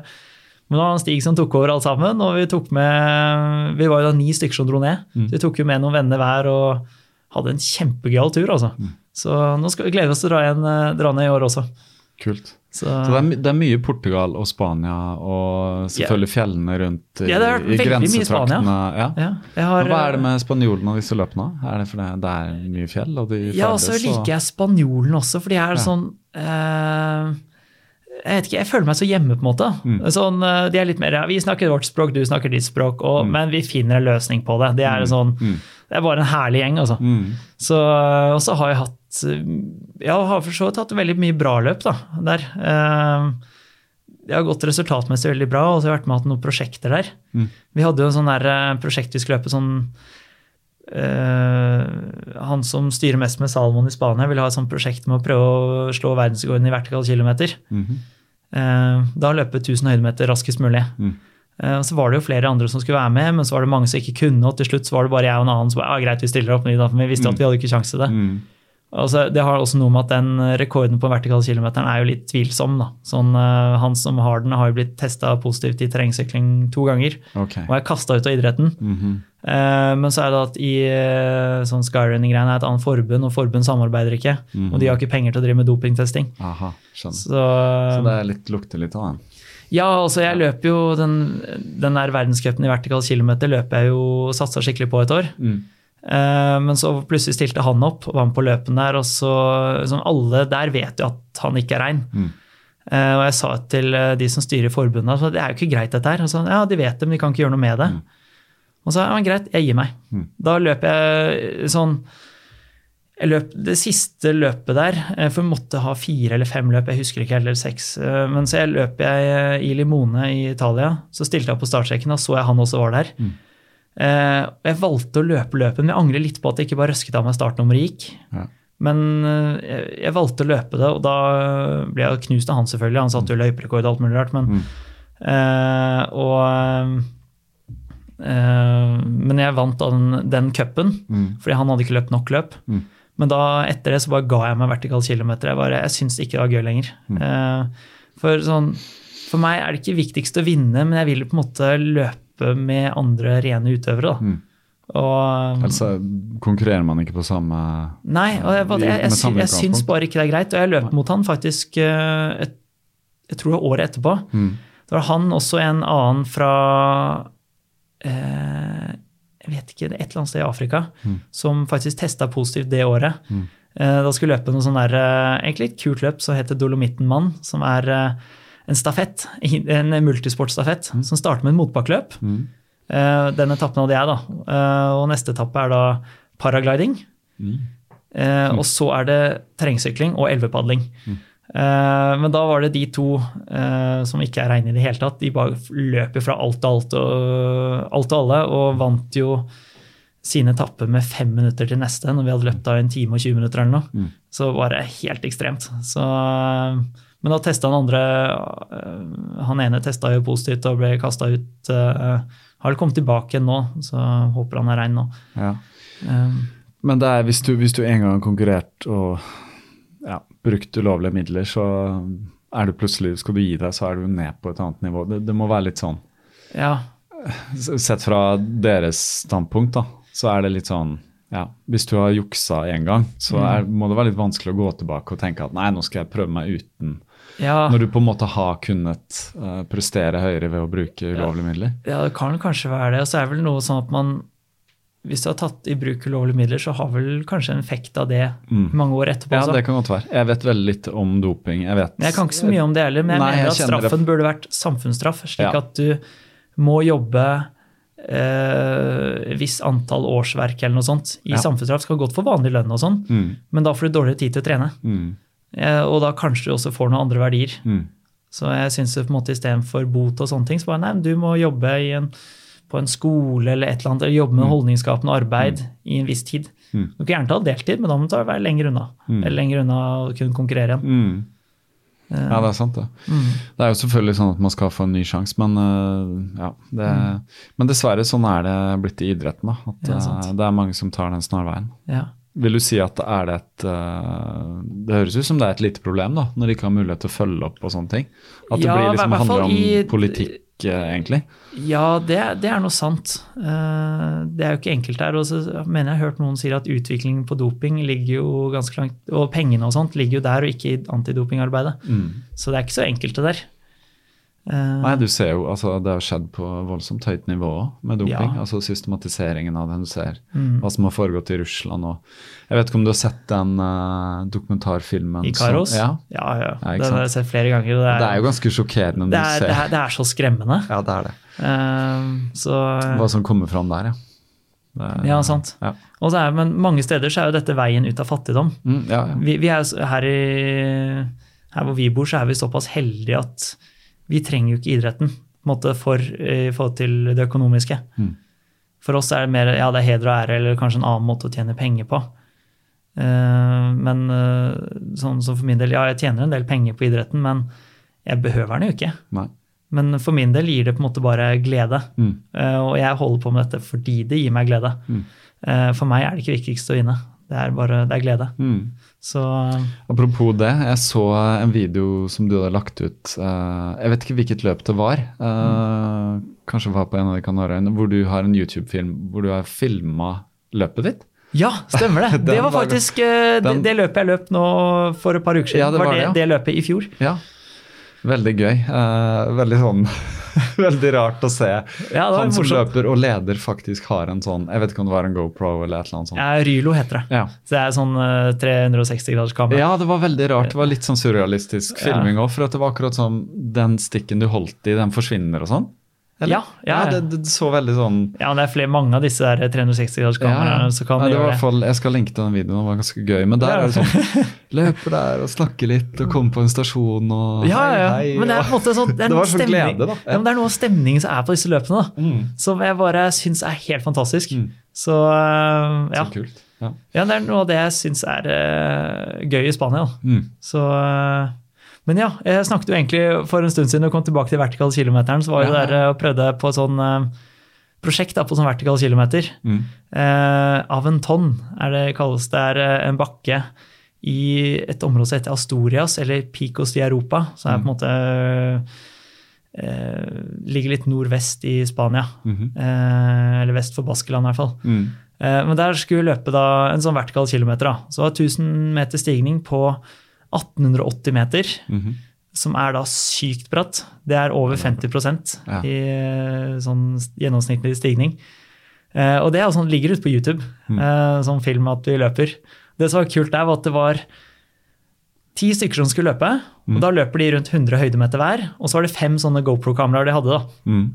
Eh, og jeg og han Jan Margarit, da, som heter han jeg løp med, vi var jo så tent.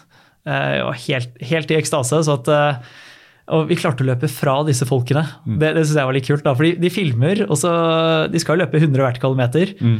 eh, og gi kamera til nestemann. Mm -hmm. og da ble det jo luke, så han nestemann tok jo kamera og beina den hadde for å ta seg igjen. Og så begynte han å slite skikkelig, så ble luken kjempestor. Og så kom da til neste, så hadde et nytt kamera, så de klarte å henge på. da. Men eh, det var et utrolig kult prosjekt. Ja, fett. Det, Men- det må jeg ha en link til, da. Ja, jeg kan, se, jeg kan sende til det. Ja, det. Det må Men, du gjøre. Eh, men etter det så gikk jeg på en kraftig smell. For dette var eh, nå for to år siden. Mm. Uh, for da eh, jeg, jeg skulle veldig mye, mye greier. Jeg skulle være med å løpe noe stafett, Holmenkollstafett med klubben min. og skulle være med på å løpe på Transvulkania. Løpe, det er på La Palma. Mm. Det Kanariøyene som ligger lengst uh, nordvest. Uh, og så var det, det var mye reising, og så had, er jeg veldig glad i å trene. Mm. Jeg er veldig glad i å løpe mye.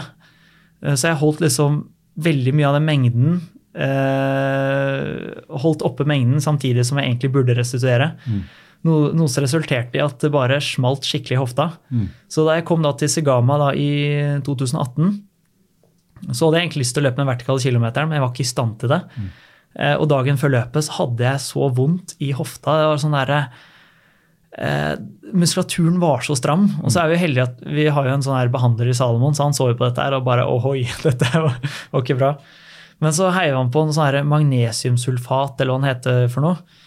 Eh, og masserte og styrte på, så han var en grunn til at jeg helt har klart å løpe løpet. Og jeg kom meg inn på en uh, andreplass på det løpet, som egentlig var kanskje den beste prestasjonen det året i forhold til åssen kroppen var. Eh, men jeg sleit egentlig med det helt fram til eh, august i fjor. Så eh, drøyt over år, da. På en sånn eh, Hva måtte du gjøre da? Nei, sånn, jeg gikk jo til behandling, og det var på en måte, jeg fikk løsna litt. Men allikevel det kom litt frem og tilbake. og Jeg går til å få sånn muskelbehandling. Mm. Eh, som er sånn, Det er jo en tidligere kroppsbygger som er eh, tresifra i vekt og legger kroppen eh, Kraftige Ja, han legger liksom Ja. kroppstygden på Ja. albuen og kjører den inn i låra og, og sånne ting. Så er, det er så sinnssykt vondt. Mm. jeg tror smerteterskelen har økt litt etter hvert, og sånn, men han. Men han er så dyktig. Ja. Ja, det hjelper så enormt. Det, det han er veldig flink til, at han eh, Rune Samuelsen, som han heter, altså, er en fantastisk behandler. Han, han, han klarer å finne balanse i muskulaturen. Mm. Så at det er ikke nødvendigvis at han løsner muskulaturen helt, men han måtte sette måte setter det i forhold til resten av kroppen. Mm. Men han sjekket faktisk åssen øh, bare, for Han er såpass sterk, han kan jo på en måte bare låse hele kroppen. så bare Stram den muskelen, og så strammer den, og så sjekke litt i forhold til hverandre. Så fant han at hofteleddsbøyerne mine var jo latterlig svake i forhold til uh, skinka. Mm. Uh, så var rett og slett bare megaskjevhet i uh, muskulaturen. Så jeg bare Ohoi, dette er jo ikke bra i det hele tatt. Så løp jeg inn på styrkerommet av, eh, ved jobben. Fant noen strikker, festa en ribbevegg. Tok rundt, uh, rundt foten, og så gikk fram og så tok jeg på en måte noen sånne der, uh, bøyde kne, da, så at jeg liksom fikk jobba med hofteløsbøyeren. Mm. Uh, og kjente liksom i løpet av et par serier at det løsna. Det var bare en helt sinnssyk opplevelse. Du måtte bare jobbe med de? Ja, så? så jeg måtte, Men uh, hvorfor gjorde jeg ikke det før? Ja, nei, du visste vel ikke Nei, jeg visste jo ikke, men Nei. jeg burde jo uh, tenke noe i ettertid. Jeg burde jo kanskje prøvd å tenke litt mer uh, Ja. Eller prøvd å utforske litt mer. da. Jeg tenkte bare her er muskelen er vondt, der må vi bare prøve å løsne den. Men det var jo antagonisten som var problemet. Ja. Uh, så nå trener jeg jo den jevnlig uh, og føler meg veldig bra nå. Så nå at, eh, jeg føler egentlig både 2018- og 2019-sesongen var grei, men ikke topp. på en måte. Mm. Men nå Du ble litt hemma? jeg ble litt hemma. Mm. Selv om på en måte resultatmessig var det jo egentlig ganske bra. Men det er litt sånn der en følelse når du kommer i mål at jeg kunne løpt fortere. Mm. Uh, sånn at uh, Men nå føles jo ting veldig veldig bra nå, da. Så at jeg er veldig spent på sesongen nå. Hvor, hvor begynner den nå? Nei, det er uh, sånn eh, Skal nå løpe nå i Portugal. Uh, Louisan Trail, tror jeg det heter. Mm. Nå i, tidlig i mars. Men uh, første på en måte løpet jeg satser på, blir jo Segama. Mm. Uh, Som er i mai? Som du sa? Ja, slutten av mai. Mm. Eller 23.-24. eller noe sånt. Mm. Så det blir gøy. Mm. Det gleder jeg meg masse til. Så Har, men du har fått trent bra? i jeg trener bra nå, altså. Jeg føler liksom at Hvor, hvor eh, løper du i Bergen, da? Hvor jeg løper. Ja, hvor er det? Eh, Jeg løper veldig mye på Ulrikken og Rundemann, Fløyen, Blåmann. Liksom, det er jo samme haugen. Ja, ja. Men eh, jeg løper mye der på litt sære stier rundt omkring. Så det er veldig gøy. Ja. Så, og løper Jeg er blitt veldig vant til å løpe i regn nå. Så jeg tenker når jeg kommer på løp og det regner, så er det sånn Yes, det er fordel. Ja, ja. Dette kan jeg. Det, det har du trent på. Ja, ja, ja. Ja. Så, det er litt annerledes når du kommer fra liksom kaldt og regn i Bergen til 29 pluss. Og ja, jeg kjenner litt på det, altså. Ja, ja, Ja, jeg ja. skjønner. Så, Det er sjokk ja. det her for oss uh, nordmenn å komme til Gran... Eller uh, Ja, men jeg, jeg, Kanariøyene. jeg begynte jo faktisk med en ting i, i fjor. Mm. Uh, jeg tok liksom, Varegg, det er en klubben min da, som Mm. jeg er med i. De har jo klubben som heter Badstuen, mm, og der er det da en badstue. Så det jeg gjorde, var at for å venne meg til, til varmere vær, var at jeg lånte sånn rulle av uh, fetteren min. mm, Og så tok jeg med sykkelen min, satte den på rulla, inn i badstuen, skrudde den på. Mm. Eh, og sykla der en times tid. Mm. Så gjorde jeg det tror jeg, tror ikke jeg gjorde det med fire ganger. Men jeg merka sinnssyk effekt av det. ja. Eh, og jeg er jo på en måte jeg er jo ikke glad i innetrening i det hele tatt. Man sitter der inne og hater i en hel time, Mm. og så kommer man ut og bare ah, endelig kan kose seg Mm. ute i regnet. Ja. Ja, ikke sant? Men, eh, men det merka jeg vanvittig effekt av. Mm. Nå var det jo sånn at uh, når jeg skrur på badstuen der, så er jo den uh, temperaturen inni der er jo ikke si eh, jevn. Måtte nedpå gulvet lot jeg telefonen ligge, og den var jo kald. Mm. Nede Varmen går opp. ja, varmen går opp. Så at, mm. hadde jeg klokka, tok jeg på styret på sykkelen, gikk vel opp i en 40 grader eller noe sånt. Mm. Men oppe i huet så sto det 70. Ja, ikke sant. Eh, så det var eh, flere ganger jeg på en måte tok huet ned, ned til styret og så bare ah, kan puste. Ja, ja. Da Eh, er 40 grader kaldt plutselig. Ja, ikke sant? Ja. Men jeg, jeg merka enorm effekt av det. altså. Ja, det kan jeg. Første to gangene var helt forferdelig, eller det var jo alle for så vidt, da, men Mm. når jeg kom til tredje og fjerde gangen, så følte jeg bare Mm. Dette, dette går. Så det er mulig å bo i kalde nord og i våte Bergen og fortsatt uh, trene til var varmeløp. Ja, ja, ja. Ja. I hvert fall kan trene i forhold til varmen. I forhold til høyden er det litt vanskeligere, da. Mm. Så ja, det det, er også noe jeg syns er veldig rart, for vi har jo sånn der, sånn som Olympiatoppen har laget sånne klimarom og sånne ting. Mm. Eh, men hvorfor kan vi ikke ha høydehus og høydetelt og sånne ting? For det er jo annet klima, det også. Mm. Så det er jo veldig rart at de kan lage måte si, kunstig klima. Eh, Men ikke i forhold- simulere høyde, ja. Ja, det er jo på en måte Men det men det, Dette har vært en helt egen debatt, så vidt jeg har fått med Ja, om jeg, jeg syns det er litt tullete, da. Ja. Jeg synes på en måte det er veldig Nei, for det er ikke noe de- forbud mot å lage høydehus? Jo, Det er det nå? ja, ja, ja, det har vært i Norge. Er det no Norge som har forbudt? Er det Ja. forbudt internasjonalt? Det er Norge, og så lurer jeg på om Italia også. Jeg, jeg er litt usikker, i hvert Mm. fall Norge, da. Eh, sånn at eh, vi får ikke lov til å drive med det. Nei. Men alle andre, stort sett alle andre land kan gjøre det. Ja? Eh, og jeg, sånn, greit, jeg er jo ikke glad i å trene inne uansett. Mm. Så jeg vet ikke om jeg, jeg tror ikke jeg ville benytta meg av det. Mm. Fordi at jeg vil være ute. Eh, og jeg tror på en måte hvis jeg skulle sovet i sånn telt Mm. Jeg synes Det høres bare så sært ut. Jeg tror ikke jeg ville gjort det. Men, men allikevel, jeg syns det er veldig rart at vi ikke kan gjøre det. For det er på en måte Vi kan bruke syke mengder med astmamedisin når man ikke er syk, Mm, men mm. liksom, det er Vi kan ikke trene. kan ikke, Jeg, jeg syns det på en måte er litt rart, da. Mm. Så, Ja, det, nei, jeg vet, jeg vet ikke grunnen til det. Men uh, så vidt jeg vet, så Altså, jeg har lest en bok da, som handler om uh, ja, egentlig oksygen og pusting og sånn. Og han fyren der, han mener at du kan simulere høydetrening ved å puste eh, gjennom nesen, da. Altså begrense Altså hvis du trener veldig hardt mm. og prøver å puste gjennom nesa, så skal Ja. du kjenne at det begrenser mengden oksygen. Jeg puster jo vanvittig lite gjennom nesa i Ja, utgangspunktet. ja. Alltid, jeg puster jo egentlig med munnen til vanlig. For alle andre puster jo med nesa, for jeg har så dårlig drenering. Du har det, ja. Og, det er, eh, og han mener jo det at ved å puste gjennom nesen, så kan du på en måte simulere Eller at det er bra for kroppen. da. Det er en Ja. helt egen sånn. Du skal prøve det på intervalltrening, tror jeg. Men Nei, men du, du, altså når du kommer til et punkt, eh, når det blir for hardt, så vil du Men hvis du er bevisst på det, så skjønner du litt hva Ja, ja, liksom ja. flyten av oksygen og sånn. Fordi interessant. han, han mener at det er eh, bedre å puste gjennom nesen eh, enn å puste gjennom munnen. Ja, godt mulig. Både at du varmer opp luften som kommer inn, at den blir fuktigere, og at uh, du får med deg nitrogen som du ikke får når du puster gjennom munnen. Oh, ja. Så han, han fyren her har lege og kurert mange folk for astma blant annet og sånn. Så jeg tenker jo når jeg hører om de her norske eh, som driver med astmamedisin, men de driver jo og puster inn iskald luft rett inn i lungene sine. Ja, ja. Veldig, veldig mye. Og det kan jo umulig være sunt. sånn Jeg tror ikke det er sunt i lengden. Nei. Så- Kroppen din er liksom 37 grader på innsiden, og så kommer det liksom luft som er Ja, ja, ja. uhyre kald. Så. Men der kan du si så hvis du er litt tette Ja, ja. på å si bronker, Da, da, da kan jeg trene høyde bare i vanlig tilstand. Jeg bare Ja, ja. tutle rundt her. Uh... bare lukk munnen, så kjenner at Ja. Kan ta etterpå, gå rundt her på Grünerløkken. Så jeg har Ja, ja, hørt at det kalles etter å ha sett den der førstegangstjenesten. Ja. Så kan bare tre, trene på høydegreier. Ja.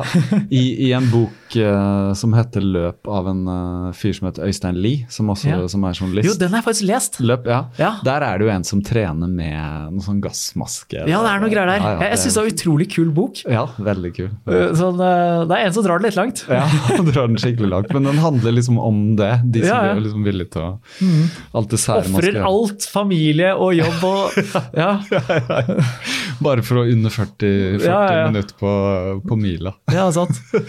Men det er nok en del uh, middelaldrende menn som kjenner seg igjen der. Altså. Ja, ja, ja. Som alt man skal gjøre for å prestere. Ja, sant. Nei, jeg tenker at sånn, sånn Nå så er jeg jo aleine, så nå måte, kan jeg bare kjøre på. Men uh, jeg håper nå å få familie etter hvert, og da tror jeg jeg skal legge løypinga på en helt annet nivå. Ja. Så For hva, hva tenker du med i perspektiv, da? På Nei, sånn, hvor lenge skal- kan du holde på, eller hvor lenge vil du Jeg, holde jeg på? vet ikke. sånn greiene at sånn, Jeg tenker jo innimellom at jeg kanskje bør gi meg etter hvert. Jeg, jeg gikk opp for meg faktisk i fjor at jeg ikke er ung i denne idretten.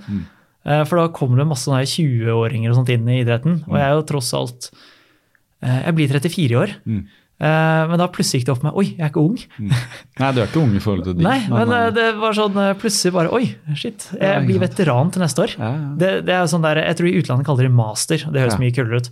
Men veteran, det høres jo sånn, da er det 20 år gammel.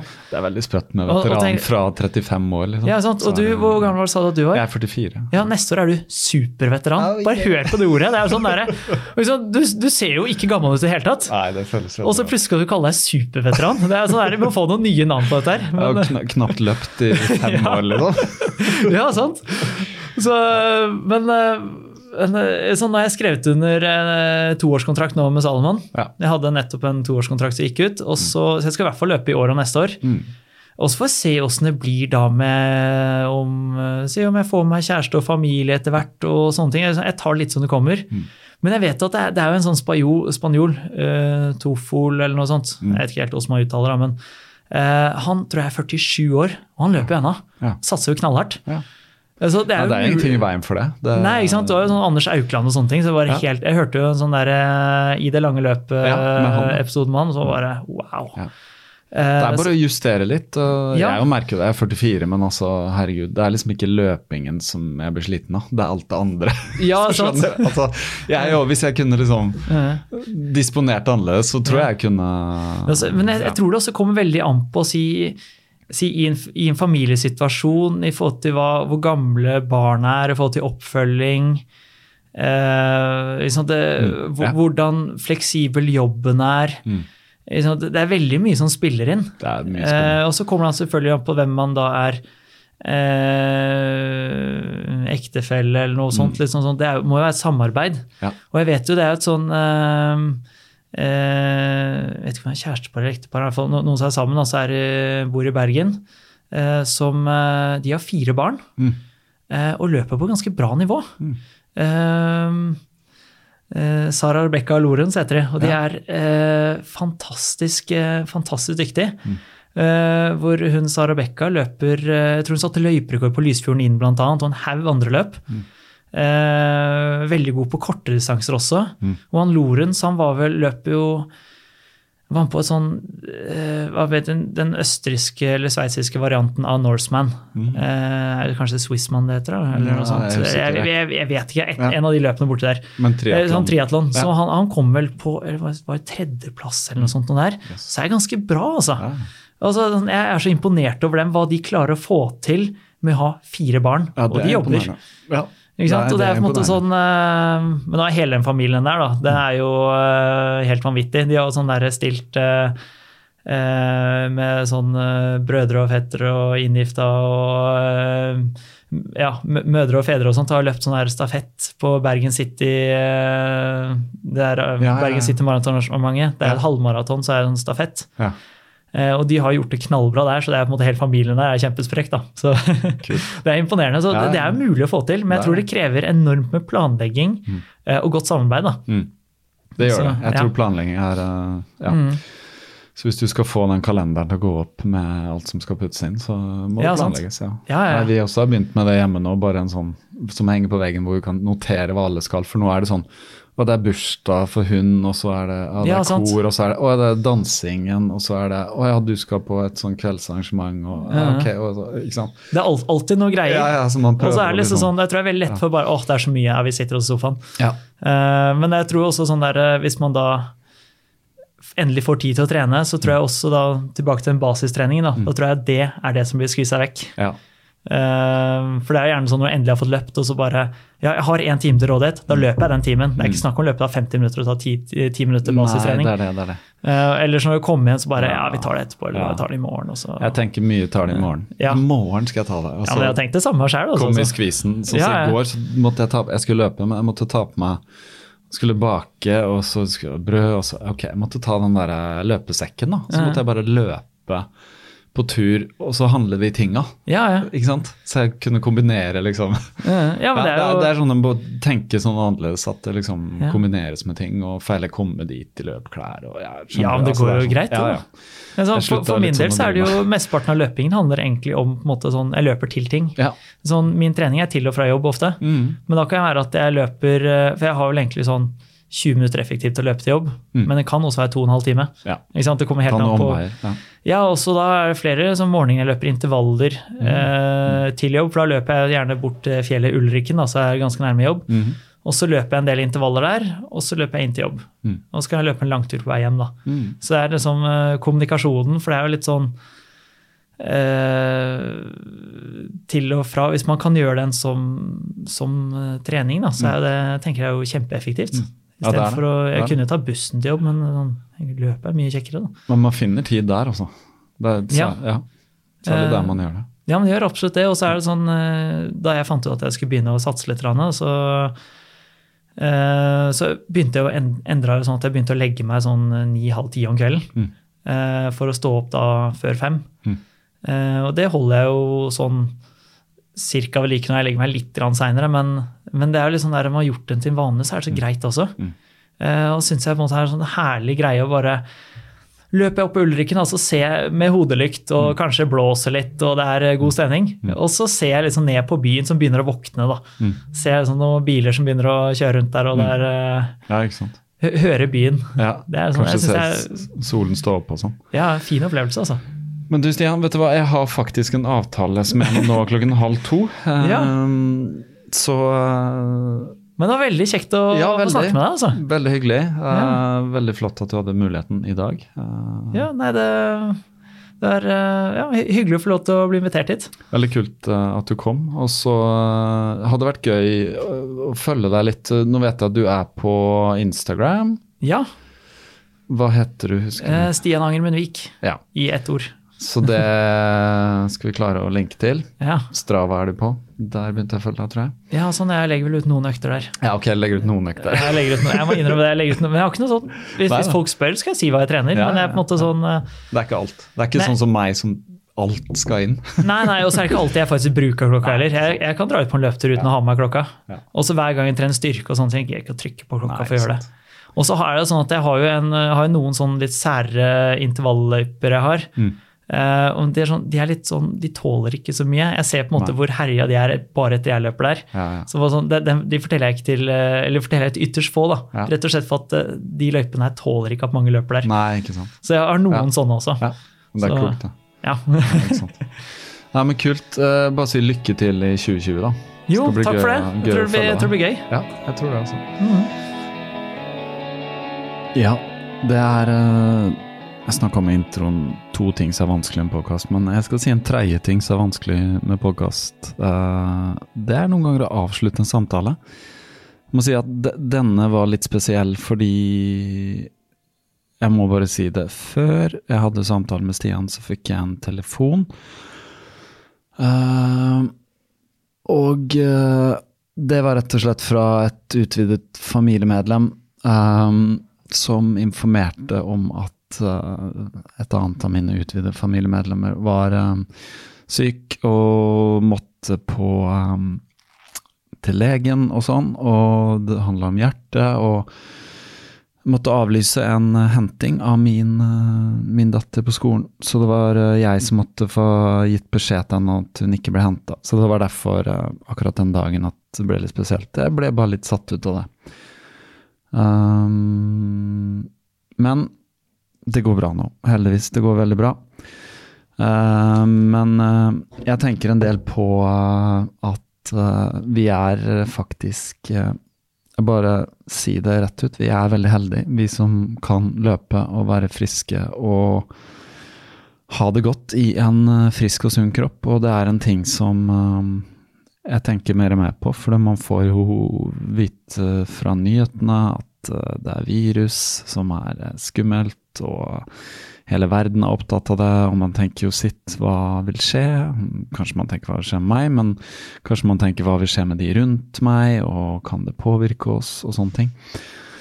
Så ja, det er uh, at vi kan være um, vårt beste, være sunne, friske og løpe rundt og bare ta alt for gitt, det er egentlig um, Ja, det er en gave, også.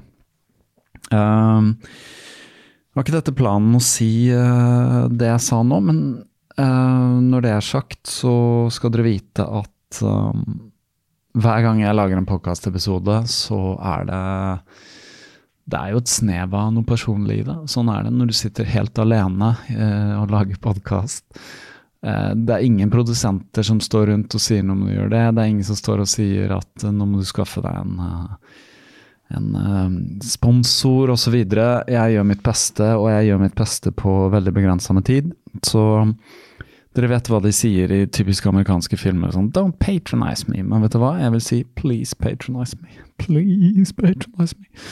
Jeg trenger eh, støtte til podkasten. Det Jeg vil ikke si at det brenner et blått lys, men uh, hadde familieråd nettopp, også. Det er uh, Man er Man må være ansvarlig og bruke tiden sin på ting som betyr noe, og podkasten betyr mye for meg. Spørsmålet er betyr den mye for dere, og hvis den gjør det, hvis du er en av de som hører på denne podkasten fra gang til gang, så vurder å bare klikke på den linken og bli Patrion-støttespiller. Jeg har sagt at når jeg får 100 Patrion, skal jeg løpe en uh, ultramaraton. Um, så jeg håper uh, jeg får uh, det, for da ble jeg tvunget til å løpe en ultramaraton. Um, det håper jeg virkelig. Jeg har ikke lyst til å løpe en ultramaraton, for at i går løper jeg 23,5 km og var gåen. Jeg lover dere. lang uke. Virus i kroppen har det vært. Jeg har overlevd, jeg har klart det. Jeg har ikke vært syk, men jeg løper allikevel. med litt sånn begrensa kapasitet. Hvis du også driver med det, så får du klapp på skuldra av meg her nå. Du kan få en klem også hvis du treffer meg. Det er lov. Og det er lov å snakke til meg når du ser meg. Parkrun, eksempel. Jeg har løpt parkrun i siste. Ta med min datter. Løpt 34 parkrun nå. Apropos parkrun. Bergen 7. mars. Jeg løper parkrun i Bergen 7. mars. Og uh, Mikeller. Månedlig løp med min venn Stig, som er kaptein, og litt andre folk. Har jeg nå sagt alt jeg skulle si? Jeg tror det. Ha en fantastisk uh, dag videre. Uh, pass på dere selv. Uh, vær sjenerøse. Vær det. Tusen takk. Ha det godt.